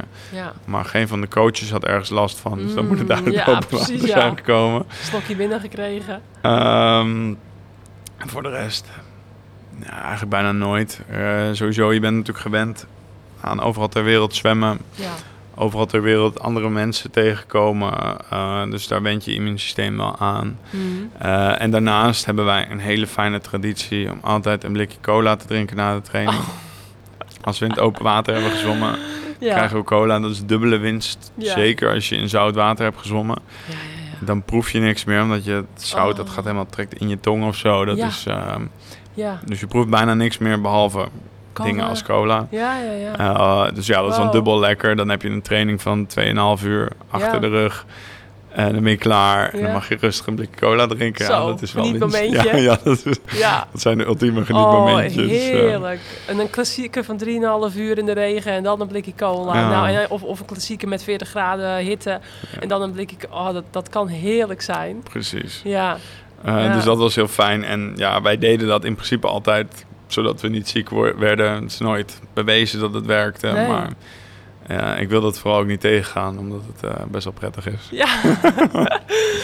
ja, als er nog een onderzoek eh, komt, dan eh, ben je misschien wel nieuwsgierig naar die resultaten. Ja, volgens mij, eh, NRC heeft een, ehm, een soort Mythbuster eh, column. Ja. En daarin hebben ze er wel wat dingen over geschreven dat het helemaal niet zou werken. En misschien zelfs wel averechts. Oh, Ehm, maar dat waren dan wel allemaal onderzoeken op petrischaaltjes en zo. Dus dat zegt natuurlijk ook niet echt wat. nee. Ja, Ehm, precies. Nou, Maar ze zeggen het in Afrika ook, als je je niet goed voelt, dan co- cola drinken. ja, ja, Dus- dat, dat werd bij mij vroeger al gezegd. Ja. Als ik eh, buikpijn had, eh, moest ik dat drinken. Ja, zeker. Ja. Ik, ik, ik drink bijna nooit. eh, maar dan, Nee, dan ja, mocht het wel. niet. Of in ieder geval, of na een zware wielerwedstrijd dat ik het dan dronk. Maar verder dronk ik het ook niet. Maar, eh, nou, grappig. En ehm, wat ik ook nog steeds iets heel, een heel raar fenomeen vind... dan ben je Olympisch kampioen of je bent Europees of wereldkampioen... en dan moet je om, om zeven uur 's ochtends in zo'n zwembad liggen. Is dat in het buiten, is dat over de hele wereld? Waarom moet dat... eh tuurlijk train je dan twee keer per dag en wil je ook vroeg klaar zijn om dan smiddags nog een keer te kunnen trainen. Maar aan een wielrenner die, of een wielrenster die ehm, gewoon 's ochtends om, om, om half tien op de fiets stapt en dan vier uur gaat trainen. Eh, ja, leg mij maar eens uit. Waarom, waarom Kijk, ik, ik ben nu als moeder heel erg gewend aan half zes, zes uur opstaan. Dus ik ben Ja. ook helemaal in dat ritme. Ik snap dat je dat als zwemmer dan ook op een gegeven moment wel eh, leert. Maar eh, kijk, is het echt in- optimaal? Want volgens mij is je lichaam nog niet helemaal wakker dan. het, het komt van een tijd dat iedereen zwemmen erbij deed. ja, dus in de jeugd zwem je echt vroeg. nog Dan vroeger. Nou ja, dan begin je met trainen om half zes of zo. Echt? Ja, ik niet hoor, om zes uur. Ja. Ja. ik, tenminste, ik heb twee keer in de week train ik dan van zes tot acht eh, vroeger bij Barneveld. ja. Ehm, maar in principe trainen wij in Nederland heel laat. Oh, echt? Wij trainen, eh, laat beginnen wij. Vijf voor acht begon onze landtraining. Oh, Of tenminste, en dat, werd laat. toen voor ons vijf voor half acht. Eh, Ja. Omdat we langer moesten trainen. Mhm. Ehm, maar in principe trainen wij dus laat. In, Oh. Overal ter wereld trainen ze nog steeds om zes uur 's ochtends. Eh, zwemmen ze. Ja, Dus- ik kan me dus voorstellen vanwege de publieke uren, hè, net als met schaatsen. Ik heb ook wel schaatswedstrijden om zeven uur 's ochtends gedaan, omdat dan daarna 10, of zo voor publieke uren open ging. maar het maar zwembad is het ik- drukste 's ochtends vroeg. Ja, maar kon er nou niet dan iets geregeld worden? Ja, voor Eh, ons dus wel. Wij- vrij, hadden- eh, Wij hadden letterlijk eh, wat eh, Marcel Wouda de beste uren vond. Hadden wij. ja, Je had vijf uur, nee iets meer zelfs. Je had een aantal uur tussen de middag vrij om weer optimaal te herstellen voor de volgende training. En Mm. dat hadden wij precies zo verdeeld dat dat klopte. ja, ja, ja. Eh, dus wij trainden van acht tot half elf of zo. ja, ja, Nee, ja, half elf, elf uur zoiets. ja. Eh, en als je krachttraining had, dan kwam dat er nog bovenop. En dan Mm. smiddags train je weer van vijf tot zeven. ja. Eh, en dat dus tien, Maar keer, iedere, tien, iedere dag, twee, da- twee keer per dag zwemmen? tien keer per week Ja? wij. Dus we deden 2-2-1, 2-2-1 en dan een dag vrij. Zo. Eh, ja, dat is Ja. normaal voor ons. Ja. Eh, dat, Ja. dat iedereen ter wereld traint tussen de 9 en de 14 keer. Er Jeetje. zijn een aantal zwemmers die zijn zo gek dat ze gewoon iedere dag twee keer trainen. Ja. Eh, maar ik denk dat je dan wel wat herstel gaat missen. Ja. Eh, maar bijvoorbeeld ook Sharon nu, Ja. die doen vijf trainingen, en dan een hele dag vrij en dan weer vijf trainingen. Dus dan de ene keer heb je twee halve dagen vrij en dan heb je een keer een hele dag vrij als ze op trainingskamp zijn. Ja, ja, ja. En dat is gewoon om te optimaliseren om zoveel mogelijk te trainen. Ja, Ja. Dan kom je gewoon in de knoop als je, Ja. als je niet 's ochtends op tijd gaat trainen en 's avonds. eh, maar er zijn heel veel landen waar ze nog steeds trainen 's ochtends van 6 tot 8. En dan smiddags om, van 4 tot 6 of van Ja. 3 tot 5. Ja, ja, ja. Eh, en bij ons is dat vooral de jeugd die traint vroeg. Eh, en zeker Eindhoven wordt eh, flink gebruikt door zwem, wedstrijdzwemmers. Mhm. Dus naast PSV, de zwemclub, heb je nog wat andere clubs die er gebruik van maken. En heb je het jeugdteam en dan heb je dus de twee seniorenteams die daar trainen. Eh, dus er wordt flink gebruik gemaakt van het zwembad. Dus Ja. het is sowieso al vechten om je uurtjes. Zo. Eh, maar wij hebben in principe voorrang op die uren en hebben we dus voor deze tijden gekozen. Ja, ja, ja. Nou, eh, ik ging dan liever gewoon vier uur aan één stuk trainen. Ehm, Ja, maar maar ja, jullie hebben het- ook wedstrijden van vier uur. Ja, ja, ja. Wij, ja. wij niet tenzij 25 kilometer gaan zwemmen. Nee, eh, ja, ja, als we een, een baantraining hadden, hè, dan gingen we ook gewoon s ochtends om, om half tien, tien uur eh, de baantraining doen. En dan, ja, smiddags nog wel een, een tweede training. Maar ja, dat dat... eh, Maar ook van twee uur. Ja, ook zoiets. Dus ja, dat, ja ik, ik vind gewoon altijd bijzonder dat, ehm, ja, dat dat dan... Ja, dat je niet gewoon iets later begint, zeg maar, s ochtends. Maar Hij heeft al gewoon zou je willen, mag je, dan mag je, dan- wel later. Of, Nou ja, dan zou de hele kunt. ploeg later moeten trainen. ja, precies. Ja, Eh, maar dan zou je s'avonds ook weer later willen trainen. Ja. Omdat je gewoon die rust tussendoor nodig hebt. ja, En ik bedoel, het was vroeg, maar het was... Het fijne was dat je gewoon een, een normale werkweek had, zeg Ja. maar. Bijna. ja, Je begon een beetje op tijd en je was dan van vijf tot zeven. Ja, ben je op tijd thuis voor het avondeten. En dan een serietje kijken in bed. Dan begin je weer opnieuw. ja, lekker een simpel leven. Mis je het soms nog nu? Na, dat, eh, na, dat, na die structuur, na dat, eh, Ja. dat, dat ritme? Ben je nog Ritme, een beetje op ritme mis ik wel, zeker. Ja, Dat, eh, het is juist ook wel eens lekker om geen ritme te hebben. Maar ik, ja, ik, ik mis het ritme wel. Maar ik mis het trainen en het moe zijn van het trainen mis ik totaal niet. Nee. En vooral, je bent 24 uur per dag topsporter. Ja, Ehm, dus bij iedere keuze zit toch in je achterhoofd, is dit de beste keuze? Mhm. Een beetje, ja, klinkt wel overdreven, maar ja, ehm, ga ik nu wel of niet een dutje doen? ja, Ga ik nu wel of niet deze serie kijken? Ga ik nu wel of niet eten? Wat ga ik dan eten?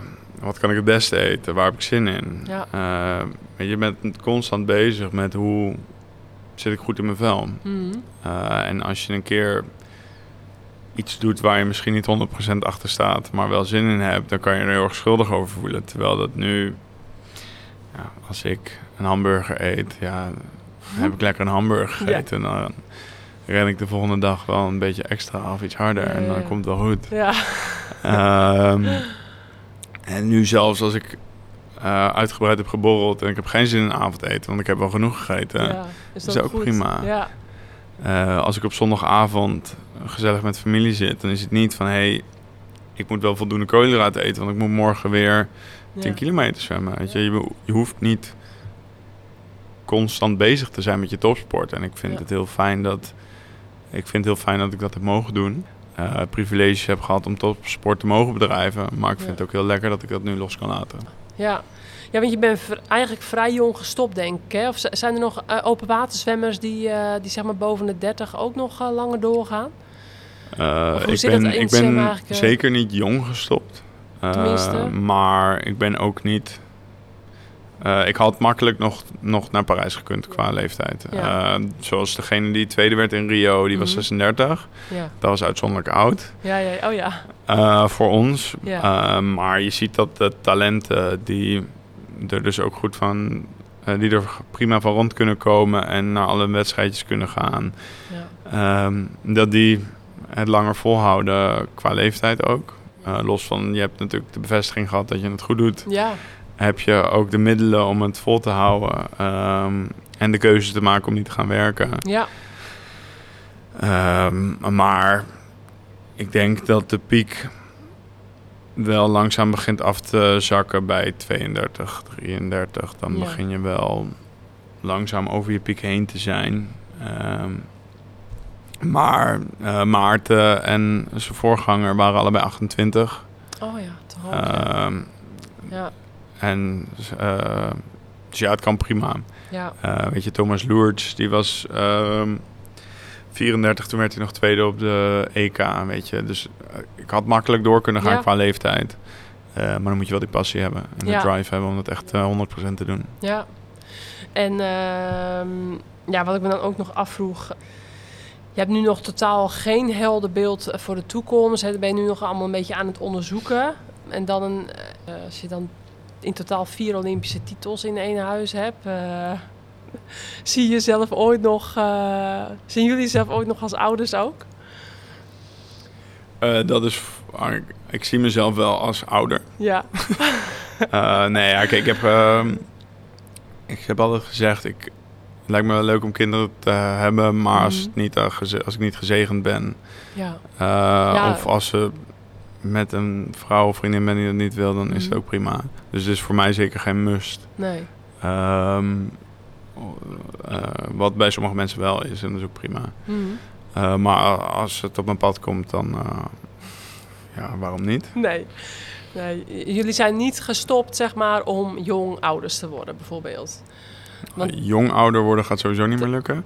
Na- ja, Maar- nou ja. Als je eh, 29 en 31, tegenwoordig is dat... eh, Nou, ik denk dat het trouwens gemiddeld is. Ja, precies. Gemiddeld, maar dan ja. bedoel ik jong, jong ja, jong, ja, meer- in de 20, nee, ja. Ik, ik dan heb, moet je ik nog heb meer in de ik heb 20 zijn. vrienden die Ja. al kinderen hebben die eh, naar de basisschool gaan. ja oh ja. Dus, eh, ja, goed, ik was 34, ik was 33 Ja. gestopt en als 34-jarige dan eh, voor het eerst eh, moeder. Maar, eh, dus ik vind eigenlijk een beetje, hè, eind jaren 20, begin eh 30, ja, vind ik redelijk jong dan ja, ik tenminste. vind dat gewoon ja, no- no- ja, normaal. Het is normaal, ja. ik was Ehm, een beetje oud, oudmoeder eigenlijk. Maar ja, oud. ja, het is net hoe je je voelt natuurlijk. Maar ehm, was geval niet vroeg. nee, Ehm, precies. Laten we daarop houden. maar, ehm, nee ja, kijk, eh, dat is niet de reden dat we gestopt zijn. Eh, Het is echt puur vanuit, wil je nog topsporter ja, zijn? Of. Ja. en is dat ook hetgeen wat je het liefst wil doen? Mhm. Eh, weet je, we zijn gezegend met het feit dat we mogelijkheden hebben. ja, Ehm, dus ook als we niet meer topsporter zijn, dat we andere dingen kunnen en eh, ja, gewoon kunnen doen met ons leven. ja, En, en ik wilde niet meer alleen topsporter zijn. En Renomi is natuurlijk al super lang, ja, ook in de, heeft super lang in de topsport gezeten. ja, En is ook gewoon een keer klaar. En dat Ja. is ook prima. ja. Ehm, en zeker als je niet afhankelijk bent van topsport eh, of je werk. Hè, het kan natuurlijk, eh, ja. als je het bekijkt, Mhm. dan heb je de mogelijkheid om te stoppen en te kijken van oké, wat wil ik nu? Ehm, dus ja, daar zijn we nu lekker mee bezig. Is maar eens genieten van het Ja. normale leven natuurlijk. Eh, ja, dat kan ik me heel goed voorstellen. En ehm, je hebt persoonlijke items meegenomen. Dat vraag ik altijd aan mijn gasten die ik persoonlijk spreek. Ik zie een, eh, een, een zwembril liggen. Ah, het is Ehm, meer gewoon het, het- zwemgerij. Het, het zwemgerij. Kun je daar wat over vertellen? Nou, ik wilde vooral dit specifieke pak meenemen. Ehm het is een van de twee pakken die ik heb gekregen Ja. voor de Spelen.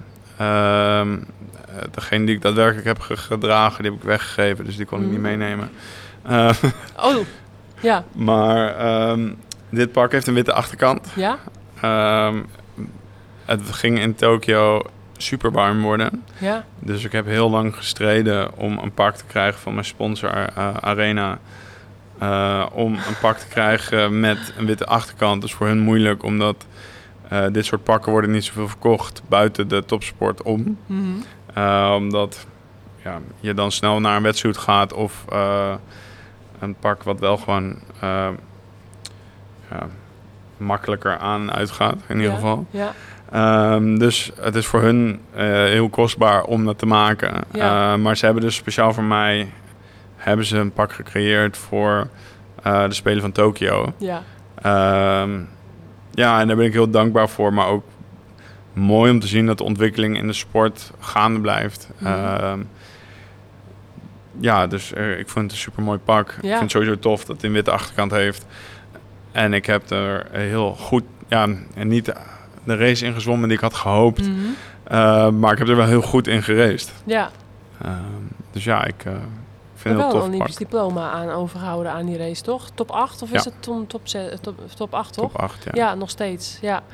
En nu ehm, trek je dan zo'n pak nog wel eens aan?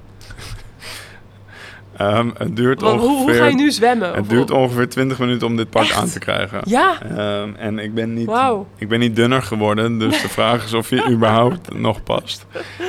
Ehm, Ja.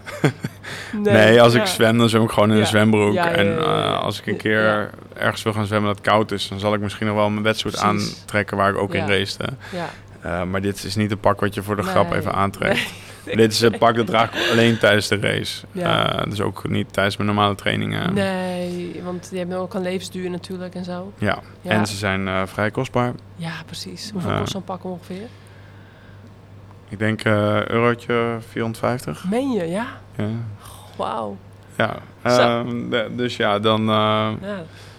Die koop je ook niet zomaar even als je eh, voor de lol gaat zwemmen natuurlijk. Nee. nee, precies, weet je. En een wetsuit, kost hetzelfde, maar een wetsuit heeft eh, een veel langere levensduur. Ja, ja. Ehm, en ja, deze pakken, wat ik zeg, zijn echt voor de topsport. En Ja. voor de, of tenminste, de mensen die in het open water racen. Ja, Eh, maar als jij en ik een city swim gaan doen, dan draag je of gewoon een, een zwempak, ja, een normaal badpak of een normale zwembroek, of je draagt een wetsuit. ja. Ehm, en misschien draag je dan nog een wat snellere, maar niet dit. Nee, precies. Eh, maar ja, dit is juist mooi voor de topsport. Eh, ja, Met ja. een mooie Team NL logo erop Kijk, voor de ja. Spelen. mooi pak hoor. Ja. Ja, ja leuk. En ehm, ja, Arena, echt... eh, ja, allemaal met verschillende materialen, hè? voel ik. Dus, of tenminste, zo voelt het. Ja. Mooi. Ehm, en dan ligt er nog wat. ja. Ja, dat is jouw Olympische medaille. Gewoon hier in Utrecht, in, eh, hoe heet het hier ook weer? Café Bro- Broodje... Bro- brood nodig. brood nodig. Daar ligt hier nu dus gewoon een, eh, een gouden plak eh, Ja. van, van Rio. Kijk, dit wordt over een paar weken uitgezonden, dus eh, niemand weet dat. Ehm, Wauw. Nou, ik mag hem zelfs vasthouden. Ja, is, dat zijn zware dingen. Ik heb, ze, ik heb die van Anna van der Breggen toen ook eh, uitgebreid mogen, mogen vasthouden. Mooi hè? Eh, ziet er nog netjes uit. Het, ja, ziet er nog netjes uit. Want je hebt hem natuurlijk overal mee moeten slepen. Ja, Naar, eh, klopt. en dit en Maar op dat. zich, maar, het, eh, eh, het metaal is aardig netjes gebleven. De Ja. eh, koordje is wel hier en daar wat bier overheen gekomen en zo. Oh ja. Maar eh, ik ruik het niet.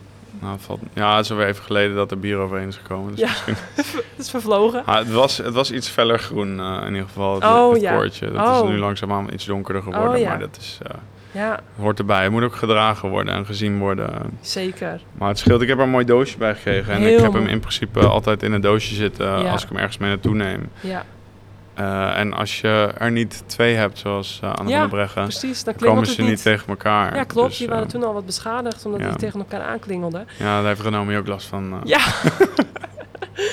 en, en hangt dit dan over het algemeen niet bij jullie dan in huis? Dat, blijft gewoon altijd in een doosje. Ja, kijk, weet je, tijdens mijn topsportcarrière ben ik sowieso niet zo mee bezig geweest. Mhm. Met de medaille aan zich, in ieder geval niet. Mhm. Ehm, dus die was altijd gewoon veilig opgeborgen. Ja. Ehm, en nu, ja, ik weet het niet. Ik, eh, ik heb er wel eens over nagedacht dat het tof zou zijn als je een mooi plekje zou krijgen, maar ik zou niet weten waar. Klein en museumpje in jullie huis. Klein kamertje, eh, zo voor jullie. Eh, Als ze al Renomi Renomi de medailles in moeten, dan past dat niet hoor. Nee? Maar heel, medailles is vaak heel, wel veel handiger dan bekers en, eh, en truien. Ja, ja, kijk, het scheelt. Ik, kreeg- met eh. open waterzwemmen kreeg ik meer bekers. Oh, Eh, in ieder geval met bijvoorbeeld de race in Nederland kreeg ik, al, overal kreeg een beker. Terwijl in het zwembad kreeg ik overal een medaille. ja. Waarschijnlijk ook omdat er veel meer afstanden zijn. Ja. Dus dat is wel een verschilletje. ja. Ehm maar Renomi heeft echt heel veel gewonnen in het zwembad. Ik bedoel, ik zelf heb al meer dan 100 medailles Ja, eh, van alle Nederlandse wedstrijden. ja, Het zal bij haar alleen maar meer zijn, want zij heeft Ja. al eh, alleen al wat is dat, 70 of 80 eh, medailles bij de WK gewonnen. of zo. En ik, nee, internationale wedstrijden gewonnen, zeg maar zoiets. Dus ja, ja, ja, ja. Dat, ehm, Ja. Ehm, maar goed, misschien leuk. ik, ik, ik, zou, ik zou ze niet allemaal weggooien. Want als jullie nog in de toekomst gezinnetje gaan stichten... dan is het wel, denk ik, misschien een mooie, eh, leuk speelgoed straks. eh, toch? Voor de kleine die dan... eh, die dan van Renomi liggen nog allemaal ergens bij de ouders. Oh ja. Alleen omdat mijn ouders onlangs zijn verhuisd, eh, hebben wij ze nu allemaal bij ons ergens liggen. Ja, ja. Maar ja, de meeste medailles ehm, zijn ook niet zo waardevol in het metaal wat het, wat Nee, het is. zo, ja. ja. Dus die liggen gewoon lekker op zolder. eh. Oh ja. Nou, ik weet uit eigen ervaring dat kinderen het heel leuk speelgoed vinden. En, eh, en, en eh, als ze dan wat op tv hebben gezien en dan naspelen. En dan, ja. ja, dus ja, je kan er vast wel wat mee. Ehm, ja, en dan om even over te gaan eh, naar vandaag. Want ik ga dan straks de afscheidsborrel krijgen samen met ehm Hinkelien Schreuder en Mieke Kabout, Dion Beukenboom en Sanne Voets. Hè. We gaan afscheid nemen van de atletencommissie. Althans, zij zijn per 1 maart officieel afgetreden en ik officieel per 1 mei. Dan gaat Barbara van Bergen mij vervangen. Ja, dus ik ga na acht jaar stoppen. Maar jij gaat nu- eh, nou ja, nu sinds 1 maart eh, ben je Ja. de penningmeester. Nee, sec- Ja, eh, ja, penningmeester. Als ja. ik goed zeg. Ja, penningmeester. En ehm, je zat al bij de, bij de FINA in de atletencommissie Ja. En bij de, bij de KNZB. Ja. En nu dan bij de NOC-NSF atletencommissie. Dus ja, we, we kruisen elkaar, zeg maar. Ehm, en ehm, wat, wat, drijft jou eh, ja, om, om, eigenlijk zoveel dan hè, voor andere atleten eh, te doen? Want Ehm, heel veel atleten, die zijn natuurlijk, die denken vaak een beetje egoïstisch. En die denken van, als ik het maar goed heb en als ik maar... En die stoppen ook niet graag heel veel tijd in dingen die ze direct niks oplevert, zullen we maar zeggen. Dus, eh, maar eh, nou, het is bij mij allemaal een beetje begonnen in 2015. Toen is de atletencommissie van de KNZB ook opgezet. Ehm, en daarvoor was ik helemaal niet meer bezig. was alleen maar met mezelf bezig. Heel egoïstisch inderdaad. Ehm, en toen gingen we een atletencommissie opzetten. En toen wilden ze natuurlijk ook graag dat open water daarin vertegenwoordigd zou worden. Ja. Ehm, heeft Joop Albeda trouwens opgezet. Ehm, en toen ben ik langzaam over na gaan denken. Van ja, iedereen die zeurt de hele dag over dat dingen niet goed zijn. Mhm. Maar niemand wil zijn best doen om het daadwerkelijk beter te maken. Ja. En dat zeuren, dat is heel makkelijk en heel laagdrempelig. Maar dan daadwerkelijk met een oplossing gaan komen die ook haalbaar is. Ja. En wat toevoegt. Ja, eh, dat vind ik gewoon heel mooi. Eh, ik bedoel, ik heb eh, zelf het genoegen ook bijvoorbeeld dat mijn ouders het prima voor elkaar hebben. En heel veel eh, voor mij hebben kunnen regelen. Maar dat is ook niet bij iedereen zo. Mhm. Ehm, dus ja, hoe ga je nou inzetten dat iedereen eh, hetzelfde uit, uit de sport kan halen als wat jij hebt kunnen doen? Eh, Ja. Waar jij zoveel plezier aan hebt gehad, zoveel lessen van hebt geleerd. In mijn geval, ik heb veel vrienden eraan overgehouden en een hele leuke verloofde. Mhm. Ja. Dus ja, ik heb, ik heb daar heel veel zelf eh, van teruggekregen van de topsport. ja, Eh, en dat wil ik graag met andere mensen delen. Ehm, ja, dus ja, al- ik, ik probeer nu tegenwoordig te luisteren als mensen aan het klagen zijn. ja. In plaats van lekker mee te klagen. Mhm. Eh, en dan te vragen van oké, hoe zou je het dan wel willen? Weet je, heel makkelijk te zeggen, ja. dit is niet goed. Ehm, maar hoe moet het dan wel? Mhm. Eh, en, en, en daar dan samen naar te kijken van hoe, hoe kunnen we de wereld beter maken. En in, in mijn geval dan de sportwereld. ja. Ehm, dus ja, daarmee is eigenlijk het balletje een beetje beginnen te, te rollen. En toen ben ik in 2016 gevraagd of ik ook de internationale zwembond de atleten wilde vertegenwoordigen. Ja. Eh, ehm, en ja, dat heeft wel echt mijn ogen geopend. Hoe moeilijk het soms is om, eh, om dingen echt voor elkaar te krijgen. Ook al wil iedereen eh, met regels en reglementen die er zijn, juist ook om de sporters en de sportwereld te beschermen. eh er soms ook voor zorgen dat dingen wat minder snel en flexibel zijn als dat je zou willen. Ja. En ja, en ik, ik, ik denk dat we met door de jaren heen dat we wel de sportwereld beter aan het maken zijn. In ieder geval de zwemwereld in mijn geval. En eh, dat wil ik nu ook graag doen voor alle sporten in Nederland. ja. En wat is je eerste indruk nu bij onze atletencommissie eh, tot dusver? De best geregelde atletencommissie waar ik in zit. Ja? Ja, zeker. By far. Ehm, jullie hebben inspraak. Jullie hebben duidelijke doelen. Duidelijke verdelingen. Eh, hoe zeg je dat? Regelmatig spreken jullie, jullie elkaar met voortgangen en Mhm. elkaar op de hoogte houden. Ehm, maar ook na te denken van oké, er zou dit aan kunnen komen. Ja. Of er speelt dit, hoe kunnen we dat aanpakken? Ja. Ehm, en daarin zijn jullie veel proactiever. Waar we in de andere twee atletencommissies zijn we veel reactiever. Mhm. Er gebeurt dit, wat gaan we doen? Ja. In plaats van oké, we vinden dat dit beter kan. Mhm. Uh, nu gaan we kijken samen met NOC of andere partners. Hoe kunnen we dit beter gaan maken? Ja. Hoe kunnen we een probleem wat nu nog niet echt een probleem is, eh, voorkomen? Weet je, het hoeft niet per se een actualiteit te zijn. Weet Ja. je, je hebt nu die oorlog. Uh, Super belangrijk dat we daar ehm, in overleggen van hoe kunnen we daar in de atleten beschermen. Uh, zeker met de internationale zwe- uh, zwembond Ja. zijn er grote discussies over. Mogen Russen wel of niet meedoen? Ja. Onder wat voor vlag? Hoezo?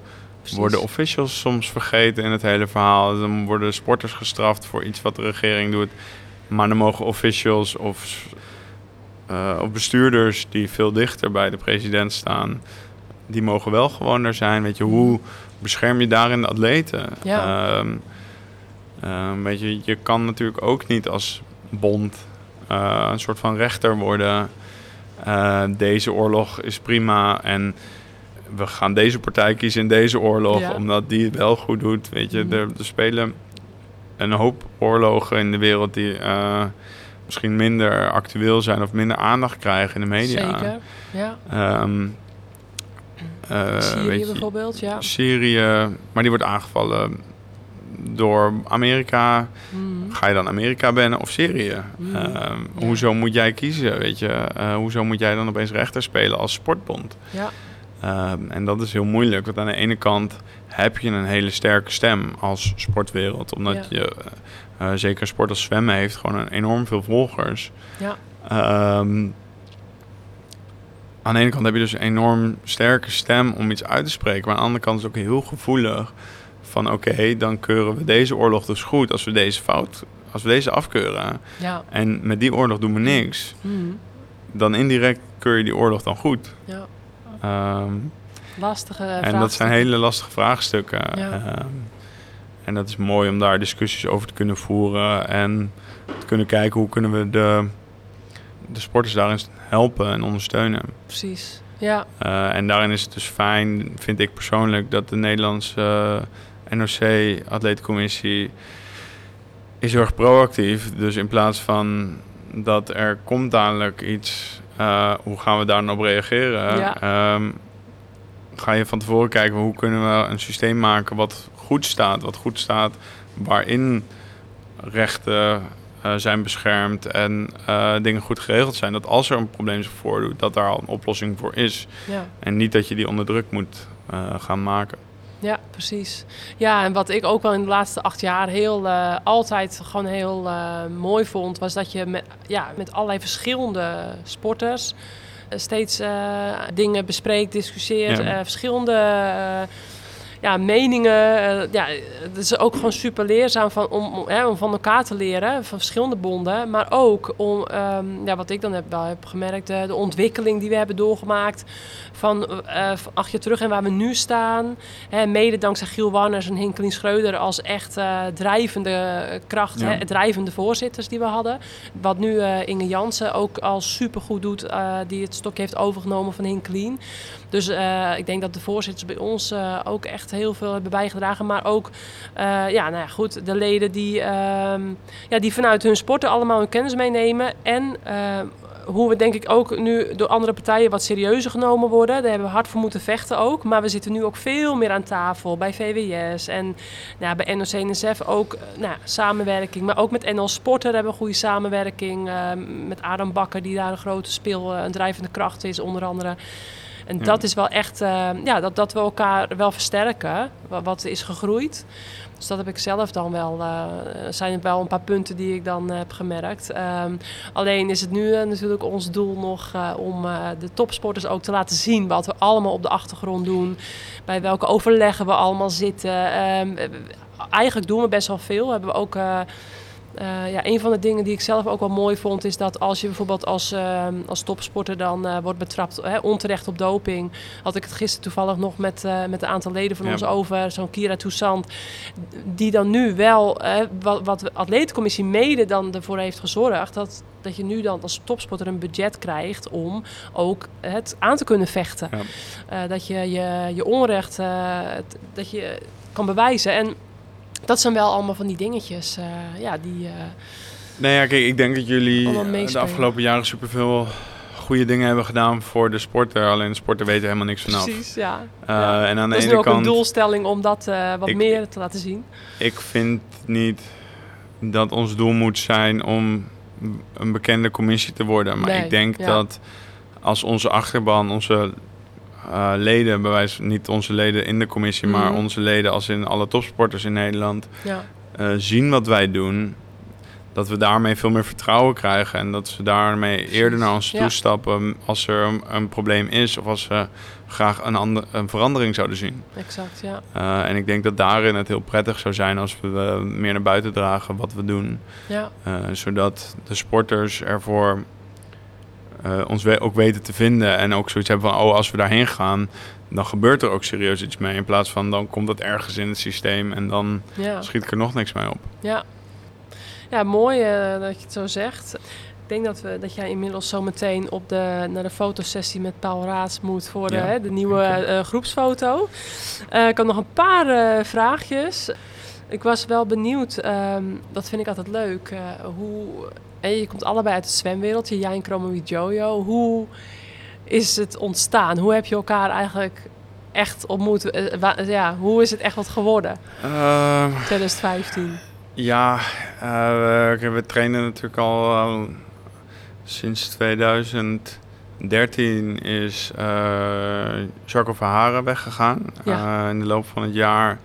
En toen is Marcel Wouda de hoofdcoach geworden van de ge- volledige groep in Eindhoven. Mhm. Ehm, en toen langzaamaan, ja, in ieder geval wat intensiever met alle eh zwembadzwemmers in contact gekomen. Eh, en dus ook met Renomi. En in 2015 was de eerste en enige keer dat ik op trainingskamp ben geweest. En dat dat niet de zwaarste periode was van het jaar, maar dat ik juist een beetje een herstelweekje had. Mhm. Maar dus toen had ik ook meer tijd om een bordspelletje te spelen, een filmpje te kijken. Dus ja, toen ben ik gewoon meer de tijd gehad eigenlijk om eh Renomi te spreken. Ja, En toen kwam er achter dat we elkaar eigenlijk best wel leuk vonden. Dus, dus ja. het begon eigenlijk een beetje als vriendschap. Of hoe, hoe, hoe ja, dat? ja, wel, ja, pff, nou niet. Jullie kennen elkaar van het zwemmen. Jij, jij kende haar van het zwemwereldje. Ja, ja, ik Ja. bedoel, we trainen allebei. Zij traint sinds 2008, ik sinds 2010 in Eindhoven. Ja, Eh, dus wij hebben elkaar in de loop der jaren natuurlijk een hoop zien rondlopen. ja. Ehm, maar op een gegeven maar- moment, eh, toen dachten jullie van, nou, la- laten we gewoon eens een keer... eh, Ja, dus echt op, ja, ik denk echt op dat trainingskamp. Dat we toen hebben we gewoon de tijd gehad om meer met elkaar te spreken. Ja, Ehm, en dan leer je elkaar beter kennen. En dan blijkt iemand leuker te zijn dan je denkt. Dat je meer hebt om over te praten dan je denkt. Had je een ander beeld dan eh, van haar?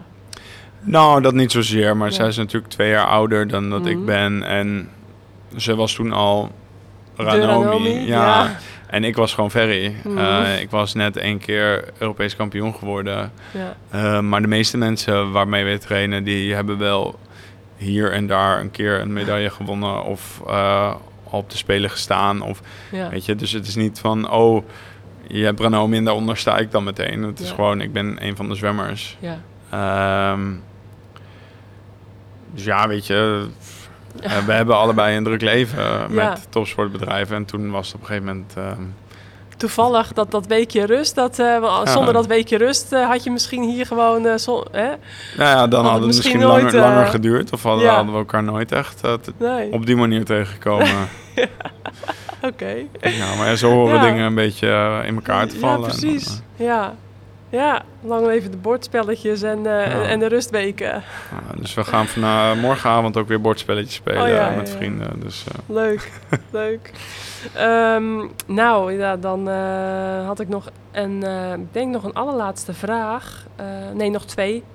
Ehm, voordat we dan echt een einde eraan breien. Ehm, hoe zie jij eh, jezelf over tien jaar, vroeg ik me af. Nu heb je nog helemaal geen clue, hè, ehm, begreep ik. Dus je bent echt nog aan het onderzoeken. eh, je geeft af en toe wat presentaties. eh, je motiveert mensen. ehm, nou ja, ehm, je, je bent met, met je scriptie bezig. En, maar Ik hoop dat ik die over tien jaar wel af heb. ja, daar gaan we wel vanuit. Nee, ik... ben je eh, 39? Jezus. Hoe zie je het een beetje voor je? Ja, dat is echt een volwassen leeftijd. Ferry. Ik ben er bijna, dus ik kan het weten.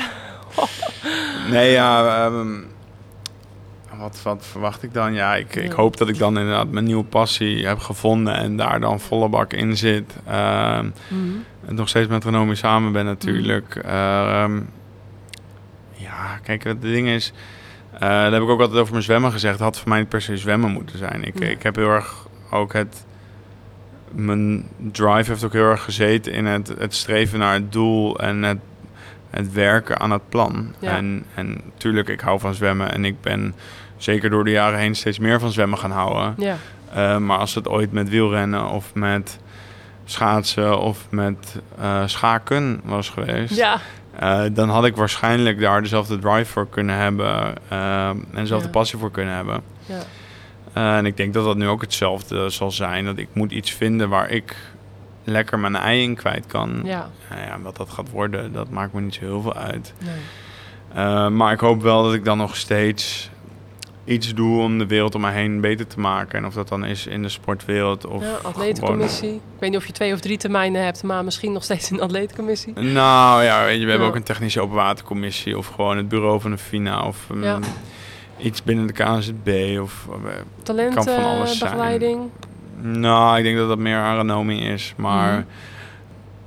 Weet je, eh, het hoeft niet eens per se binnen de sportwereld te zijn, maar als Nee. ik iets, eh, dat lijkt mij leuk. Ik Ja. wil graag ergens waarde toevoegen. Ja, Ehm, en dat wil ik heel graag blijven doen. ja, ja. Oftewel, nog niet een heel eh, concreet eh, Nee, beeld van, god, daar wil ik staan en zo en zo. En, eh, ik, ik, ik ben heel benieuwd, ik, ik ga het zeker volgen, wat het dan gaat zijn. En, ehm, en wat zou je als, als, als levenslessen uit jouw topsportleven, wat vind je een van de belangrijkste levenslessen die je aan, gewoon aan, aan de luisteraars mee wil geven? Ehm, Waarvan je zelf denkt van nou, mensen, als jullie die levensles nou gewoon eens eh, hanteren, eh, als jullie... nou, ik denk dat er twee ehm, dingen zijn. Ik denk één is, eh, sta open voor feedback. Mhm. Ehm, mensen geven feedback vaak niet op een handige manier. En dat ligt deels dus bij de zender. Maar als jij ervoor open staat, dan kan je er heel veel uithalen. Mhm. En dat zegt niet dat als iedereen die zegt... je moet iets meer dit doen of je moet iets meer dat doen... dat je dat maar gaat doen. Eh, maar dat je luistert naar... oké, mensen vinden dat ik te veel tijd op ijs of niet genoeg zeg... of eh, te veel afwezig ben, te veel op mijn telefoon zit... Eh, maakt niet uit, maar dat je er naar luistert. En als jij denkt van, hé, hey, hier moet ik wat mee doen... dat Ja. je dat ook gaat doen. Mhm. Ehm, en het andere ding, wat wilde ik zeggen? Ehm, Denk Ja. er gewoon rustig na. helemaal kwijt. Het altijd nadeel als je twee dingen wil zeggen. Ja, klopt, ja. dat herken ik. Ehm jongen. Maakt niet uit. Ik weet echt niet. Feedback. En, oh ja. En wat al, eh, ik denk dat een belangrijke les voor mijzelf is geweest. En wat ik ook in mensen om me heen zie, is als je iets wil bereiken, eh, vaak kan je dat niet morgen bereikt hebben, anders is het niet een groot ding. Mhm. Ehm, maak er een plan voor. Maak er een meerjarenplan voor. Van oké, ehm, als ik, nou, om nog even het idee van een miljoen terug te halen. Ja. Als ik een miljoen wil hebben, zorg eerst eens dat je 100.000 hebt. Mhm. Eh, weet je, en als je dat hebt, dan kijk je hoe kan ik daar wel weer meer van maken. Eh, als jij ergens de CEO wil weer worden, misschien moet je beginnen met daar gaan werken. Of Mhm. misschien moet je beginnen met CEO worden bij een kleiner bedrijf. Mhm. Eh, maar maak er een plan voor. Ja. Eh, hoe, hoe ga je daar komen als jouw droomhuis in eh, Zwitserland staat, maar je nog nooit hebt gekeken naar hoeveel een huis kost in Zwitserland? Mhm. Ja, het is misschien wel handig om daar eens naar te kijken. Weet je. Ehm, ga er aan werken als je iets wil. Ja. Ehm, en ga er ook over nadenken van wat wil ik, van waarom, waarom wil ik het? Mhm. Eh, wil ik het wel echt? ja. Of wil ik het omdat ik denk dat mensen dat verwachten van mij? Precies. Dat vind ik wel een goede, ja. Ehm, ja. dus ik denk dat dat belangrijk is. Dus, ja, Ja. Mooie. Zeker. Nou, daar kunnen mensen vast wat mee, Ferry. Denk ik wel. Ehm, leuk. Ik heb heel veel opgestoken in het, wat was het? Nou ja, eh, anderhalf uur of zo. Twee uur denk ik bijna zelfs. En ehm, 51 minuten. ja, precies. ja, ik zat er niet ver naast. Gegokt. Ja, ik heb denk ik wel het meeste gevraagd. En als ik nog wat vergeten ben, dan vraag ik het straks gewoon off the record als we aan het Jeu de Boelen zijn. Ehm, waar kunnen mensen jou allemaal nog eh, volgen? Want- Want je, je geeft nog presentaties. eh, Want je, je, je doet niet alleen nu je scriptie. Je doet natuurlijk ook. Je bent ook Olympisch kampioen Ferry. Ja. Je bent nog steeds de verloofde van. Je bent nog steeds. eh, hè, dus dat blijf je altijd. Oh, nou ja, de verloofde van niet, hè? Straks ben je man van. Maar Ja. je- dat, dat blijf je altijd, Olympisch kampioen. Daar doe je nog natuurlijk de Amsterdam eh, City. Swim, ja. ja. waar kunnen mensen je nog meer zien, en spreken, bewonderen, van jouw eh, topsportlessen leren? Ik ben te boeken via Sportspeakers. Ja, staat ook gewoon op mijn site oh, ferryweertman.nl. natuurlijk. Ja, en ik ben te volgen op Instagram via very fast. very, very fast. dus denk dat het wel is. ja, precies. Dus mensen kunnen je daar allemaal vinden. Leuk. Ehm, hartstikke bedankt nogmaals dat je mijn gast wilde zijn. Ik heb voor jou de Courage Koerspet van BioRacer. En ik vond het heel leuk dat je in het gesprek zei dat je een racefiets Ja. van plan bent te gaan kopen. Want dan kun je natuurlijk mooi die Courage Koerspet opdoen met zon of met regen. eh, altijd handig. Of gewoon eh, aandenken aan de Courage podcast. Ja, Of je geeft hem aan iemand weg als je hem niet opzet. Eh, maar, nou ja, en natuurlijk de Velo koffie. Oh, Ehm, die heb ik hier, de koffiebonen. Dus je had net al een koffietje hier besteld. Dus je lust koffie. Dat, eh, daar was ik Hou ook heel, blij mee. Heel erg van koffie. Dus Precies. dat gaat eh, heel... Dus, eh, heel goed heb je ook een malertje? Het zijn koffiebonen. Ja, dat komt wel goed. ja, dat komt wel goed. Ja. Ik heb ook koffie uit Afrika, dus ik moet Lekker. nog een maler kopen. Dus dat Oh, komt komt goed. goed, uit. Ja. Heb je nu een reden. Dus dat is de Beast, hè, Roy van den Berg. Olympisch kampioen teamsprint. Die, die heeft zijn eigen koffiemerk bij Velo Koffie. Dus dat is misschien wel grappig. Dat de ene Olympisch kampioen straks in huis staat op de keukentafel of op, de, op het aanrecht bij de andere Olympisch kampioen. Dus geniet ervan. En eh, nou ja, dan, eh, dan gaan wij... eh, ja, ik ben ook heel benieuwd straks hoe het gaat zijn, het de Boele. En hoe het, eh, hoe het afscheid gaat zijn bij de... wat we krijgen bij de atletencommissie. Ehm, heel veel succes ook met de atletencommissie. Dankjewel. Ik ga dat ook op de voet blijven volgen. Want eh, een hele mooie nieuwe groep eh, mensen die, ehm, die aangesloten staat. Dus eh, ja, die, die aangesloten zijn nu als nieuwe leden. Ik heb er alle vertrouwen in dat jullie dat goed gaan doen. Dus super superleuk. Mooi Ferry. Ehm, Olympisch kampioen Rio, maar nog veel en veel meer heb ik nu eh, ontdekt. eh, dan alleen eh, ja, de topsporter en eh, mooie levenslessen doe er wat mee, zou ik zeggen, aan de luisteraars. Nou, bedankt voor het luisteren en eh, tot de volgende. Dat was hem. Yes. Leuk. Ja.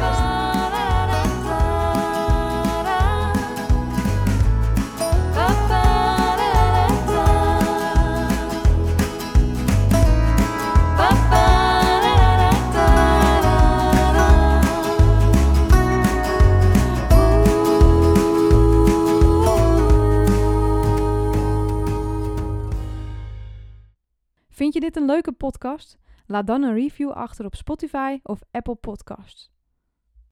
Je hoort in deze podcast muziek van mij voorbij komen. Wil je er meer van horen? Check dan Marianne Lichtart op Spotify.